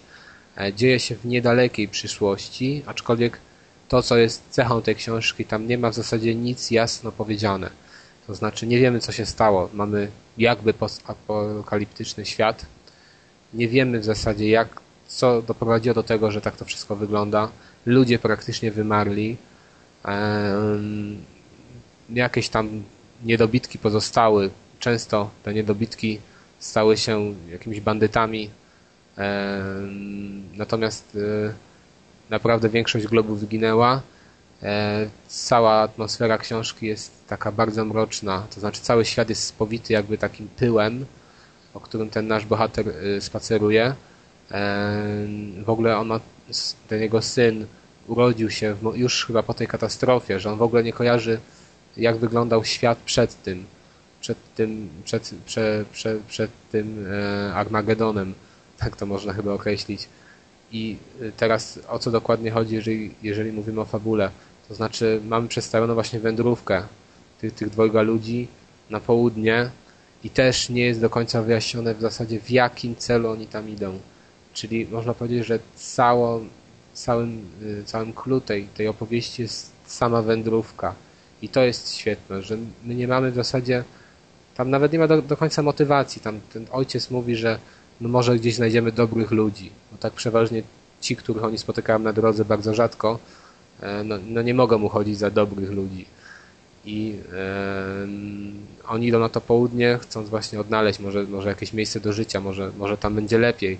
ale tak w zasadzie już czytając ją możemy się domyślić, że to, to, to, to nigdzie nie będzie lepiej, bo cały świat już leży w gruzach i ona jest tak jakby dołująca, jak się, jak się ją czyta, to no, no nie wiem, no ja, mój kolega mi to kiedyś polecił, on też dał do przeczytania to swojej mamie i, ta, i później przyniósł inną książkę tego autora i mówi do niej, że no słuchaj mamo, tutaj e, mam drugą książkę tego autora, może chcesz przeczytać. To ta matka podobno odpowiedziała mu, że już się więcej denerwować nie chce, czytając książki tego autora, więc podziękuję. On, on, no. A powiedz, czy czytając tą książkę masz jakieś też e, jak gdyby zastrzeżenia co do moralności głównych bohaterów, czy oni są jak tymi tacy, tacy nieskazitelni na tle tego? Nie, właśnie tutaj, wiesz co, y, możesz mieć zastrzeżenia i to jest też fajne, że spotykają powiedzmy jakiegoś tam staruszka i wiedzą, że nie mogą mu dać nic ze swoich tam zapasów, bo, ta, bo inaczej oni zginą. I teraz ten dzieciak tam się pyta tego ojca, nie, czy my możemy mu pomóc, tato, nie? A, a on, że nie, że muszą iść dalej, bo jeżeli oni mu teraz pomogą, to sami zginą. I to jest też takie fajne. Tam też jest motyw, że ktoś im ukradł jakieś zapasy i oni też go ścigają i też jest, też nie wiadomo, też wiesz, ten niby ojciec już chce w zasadzie go tam zostawić na pewną śmierć tego kolesia, ten mały tam mówi, żeby, no, żeby jednak go inaczej potraktować. Że takie muszą dokonywać takich wyborów moralnych, nie? Żeby, czy, czy przeżyć, czy na przykład pomóc komuś. E, I no mówię, nie, że ona jest taka dołująca strasznie, ale też inspirująca w tym sensie, że możemy sobie pomyśleć, że naprawdę żyjemy, nie wiem, w super kraju, w super okolicznościach, bo tutaj masz taki, taki dylemat, nie? czy gdybyś się znalazł w sytuacji tych bohaterów, to faktycznie czy nie lepiej sobie strzelić w łeb. I tam też ten ojciec tak cały, cały czas myśli, ma tam ileś tych kul w pistolecie, i się zastanawia, nie? Czy, czy, czy jednak nie lepiej strzelić temu dzieciakowi i sobie przy okazji, żeby już zakończyć to ich cierpienie. Ale no, no mówię, nie w ogóle też się kończy tak. Ym, no, no nie mam w zasadzie tak do końca wyjaś wyjaśnienia, jak to tam się do końca potoczyło. To też jest fajne, takie, taka, takie coś innego. Ja generalnie ją polecam, ale nie wiem teraz, czy ją warto wziąć sobie latem, gdy, gdy słoneczko świeci i wtedy na przykład nam możemy może lepiej się, może, może łatwiej wgłębić się w takie ciężkie historie, czy lepiej ją sobie wziąć teraz na takie deszczowe, chmurne miesiące. E, teraz już niedługo będzie śnieg, gdzie bardziej może czujemy tę atmosferę kipiącą właściwie z ze stron tej książki. Jeszcze też, jeżeli ktoś kogoś nie przekona, to, to, to, to moje takie lawirowanie, to E, mogę powiedzieć, że ta książka też zdobyła nagrodę Pulitzera, więc to jest już na pewno jakaś tam rekomendacja dla niej, nie? Więc realnie ją polecam. Naprawdę warto się z nią zapoznać. Sądzę, że każdy tutaj z nas obecnych i słuchaczy powinien ją przeczytać. Może was na początku odrzucić, ale naprawdę warto, warto przez nią przebrnąć. No i to chyba, że macie jakieś pytania, ale nie słyszę. To też mnie zachęciłeś. Następnym razem w Empiku się zapytam o nią. No naprawdę, wiesz co, to mnie kolega zachęcił do tego. Początkowo mówię, no, dosyć, no nie wiem, jakoś mnie zniechęciła ta książka. A film oglądaliście? No, no właśnie, o, to fajnie, fajnie, że mi przypomniałeś. E, to jest taka kwestia, która mnie bardzo wnerwia, że już mając tę książkę, znaczy kupiłem tę książkę teraz jakoś w tym roku, już w momencie, gdy ten film był na rynku i oczywiście jak wygląda okładka książki, no zdjęcie, no, no to jest totalna żenada, nie? takich, takich praktyk po prostu nie lubię. Film może, nie wiem jak wyszedł film, ale y, zakładam, że może być bardzo, nie wiem, kiepski, a oni dają, nie wiem, okładkę książki. Tam Viggo Mortensen chyba jest. Tak. Ale to wiesz, żeby się sprzedało, wszystko jest robione. Ja, wiem, nie, ale na przykład ja takich praktyk nie pochwalam, nie? No więc mówię, ja, ja wam polecam, szczerze. Nie jest ona długa, więc jeżeli ktoś podejdzie do niej solidnie, to może ją naprawdę, naprawdę w dzień, dwa skończyć. Może w dzień nie, może w dwa dni bardziej. To jest do zrobienia. I to chyba tyle, jeżeli chodzi o mnie. Sądzę, że już nic nie mam więcej do dodania. Może jeszcze tak na koniec wspomnimy kwestię taką, to znaczy kwestię zapraszania ludzi do podcastu naszego. O tak, to ważna sprawa. Bo tam było, bo tam było parę zgłoszeń I e, my to widzimy tak. Sądzimy, że w tym momencie nagramy dla Was parę jeszcze może podcastów w tym samym składzie, żebyście się osłuchali z nami, a później ewentualnie będziemy zapraszać jakichś tam gości na te podcasty. Jednak chyba odejdziemy od tego pomysłu, żeby to byli y, po prostu regularni użytkownicy, znaczy regularni nagrywający, y, dlatego że no, sądzimy, że jak nas tutaj będzie, nie wiem, siódemka, ósemka, to, to, to nie da rady się tego jakoś opanować. I być może nawet nie będziemy się przekrzykiwać, ale chociażby nie zdążymy różnych spraw omówić, będzie nas po prostu za dużo. To, to może ja jeszcze tutaj dodam to, o czym rozmawiałem, rozmawialiśmy. Tak. Mam nadzieję, że reszta te skazę, natomiast mam nadzieję, że Deusz i, i Szelak też się zgodzą, że e, liczymy na użytkowników e, tak. takich, o. którzy, którzy mają już jakiś staż na forum. I, i piszą. Tak, o. którzy piszą i działają aktywnie dla naszej małej społeczności niezgranej. Więc jeżeli chcielibyście kiedyś w naszym podcaście tutaj wystąpić, najpierw musicie jakiś swój dorobek uzbierać, doświadczenie mhm. i dopiero wtedy będziemy rozmawiać. Tak my tu was ocenimy. Od tego poziomu. tak my tu ustalimy właśnie poziomy, rankingi i, i, na tej podstawie będziemy zapraszać, jeżeli w ogóle ktoś będzie chciał jeszcze do nas tutaj z, na, z nami porozmawiać. Właśnie to jest ważna kwestia, nie? że będziemy preferowa preferowali ludzi po prostu, y, którzy już na tym forum jakiś okres czasu siedzą i się na nim udzielają. To jest taka ważna kwestia. Też jeszcze jeden, jeden człowiek, chyba Plain Lazy, tak się nazywa, takiego manika, na forum napisał nam, że, że chciałby nas dołączyć i pisał o tym, że on jest graczem PC-owym i gra generalnie w MMO. I tutaj jest taka kwestia, że po prostu y, tak. nikt z nas w MMO raczej nie gra. Jeszcze na PC może niektórzy tak, ale w MMO raczej nie. I też nie wiemy, czy ktoś po prostu na blogu, kogoś na blogu konsolowym by interesowały takie gry. I, I tutaj no to jest takie jakieś, można powiedzieć, zastrzeżenie. Chociaż sądzę, że tutaj jako mm, na przykład jako gościa kogoś takiego można też zaprosić. Ale no mówię, no udzielajcie się na forum i, i to jest jakby taka przepustka do, do sławy. Do, tak. do, do sławy. O Jezu. Bilet do Hollywood. Bilet do Hollywood. 100 postów jest... zamieniamy na 15 minut. tak. A wiecie co, te, te, ogłoszenia powinny pójść chyba na początek. To ty już co? może... No, no mów, mów. Ma, może mało już kto dotrwał te dwie godziny. Tak, no. Jak chcą, jak chcą się dołączyć, niech słuchają. O właśnie, jak chcą się dołączyć, to będą słuchać. Wiecie, to tutaj na przykład ktoś ma dwa posty, nie no to liczył minut, minuta na przykład. Gada minuta, wrzuć monetę, wrzuć monetę. czas na przerwę, czas na przerwę. czas na przerwę, dobra. A jeszcze jedna kwestia, chciałem tak, o której chciałem wspomnieć. Znaczy, spodobało wam się to ostatnio ten cykl taki, yy, znaczy cykl, takie pozdrowienia dla Emiela na koniec podcastu. E, sądzę, że dzisiaj też coś dla was przygotujemy. E, I też właśnie z tego powodu no, miałbym taką, mam nadzieję, że, że po prostu nasz, nasi redaktorzy się też tutaj z naszymi wypocinami słownymi zapoznają, bo na razie żadnego odzewu nie ma. A sądzę, tak. że no przynajmniej warto, warto zawsze coś nowego tam sprawdzić, nie? A tak, jeżeli właśnie tak jeszcze słowo do redaktorów, jeżeli nie interesuje Was e, to, co mówimy, to chociaż przynajmniej na, na spisce treści będziecie wiedzieli, od kiedy mówimy o Was. Więc możecie sobie szybko przełączyć. No, no, ale zawsze warto, wiesz, po całości, nie? Dokładnie. No, więc ja sądzę, że będziemy kończyć. Mamy nadzieję, że, że już w przyszłym tygodniu uda nam się nagrać to w pełnym składzie z Mateuszem, jeżeli w ogóle w przyszłym tygodniu nagramy, bo też zastanawiamy się nad tym, jak ta cykliczność nasza, naszego podcastu ma wyglądać. E, czy to będą dwa tygodnie przerwy, czy tydzień. Ja pewnie, pewnie to będzie zależało od tego po prostu, czy będziemy mieć czas. No, to chyba by tyle, to, to chyba tyle ode mnie. Czyli e, aha, prosimy jeszcze Was o komentarze. Ostatnio właśnie były bardzo fajne i dziękujemy za nie. Mam, mam, mamy nadzieję, że na tyle się spodobało, że sięgniecie po drugi odcinek i po następne. I nie lubimy Halo. No właśnie.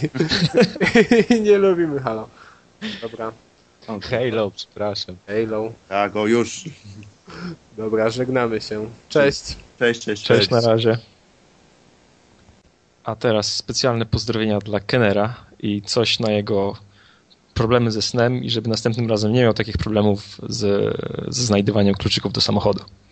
Specjalnie dla ciebie, Kenner. No ponuś się. Zaśnij. Górze tyle gwiazd, dole tyle miast. Gwiazdy miastu dają znać, że dzieci muszą spać. A śpi, kochanie, jeśli gwiazdki z nieba chcesz, dostaniesz. Czego pragniesz, daj mi znać, ja ci wszystko mogę dać, więc dlaczego nie chcesz spać? Ach, śpi, bo nocą, kiedy gwiazdy się na niebie zlocą. Wszystkie dzieci, nawet zle pogrążone są we śnie, a ty jednak tylko nie. A, a, a, były sobie kotki dwa, a, kotki dwa, szarobure, szarobure obydwa, a śpi, bo właśnie księżyc siewa i za chwilę zaśnie. a gdy rano przyjdzie świt, księżycowi będzie wstyd, że on zasnął, a nie ty. A, były sobie kotki dwa, a, kotki dwa, szarobury, szaroburowy dwa, ach śpi, bo właśnie księżyc siewa i za chwilę zaśnie. A gdy rano przyjdzie świt, księżycowi będzie wstyd, on zasnął, a nie ty.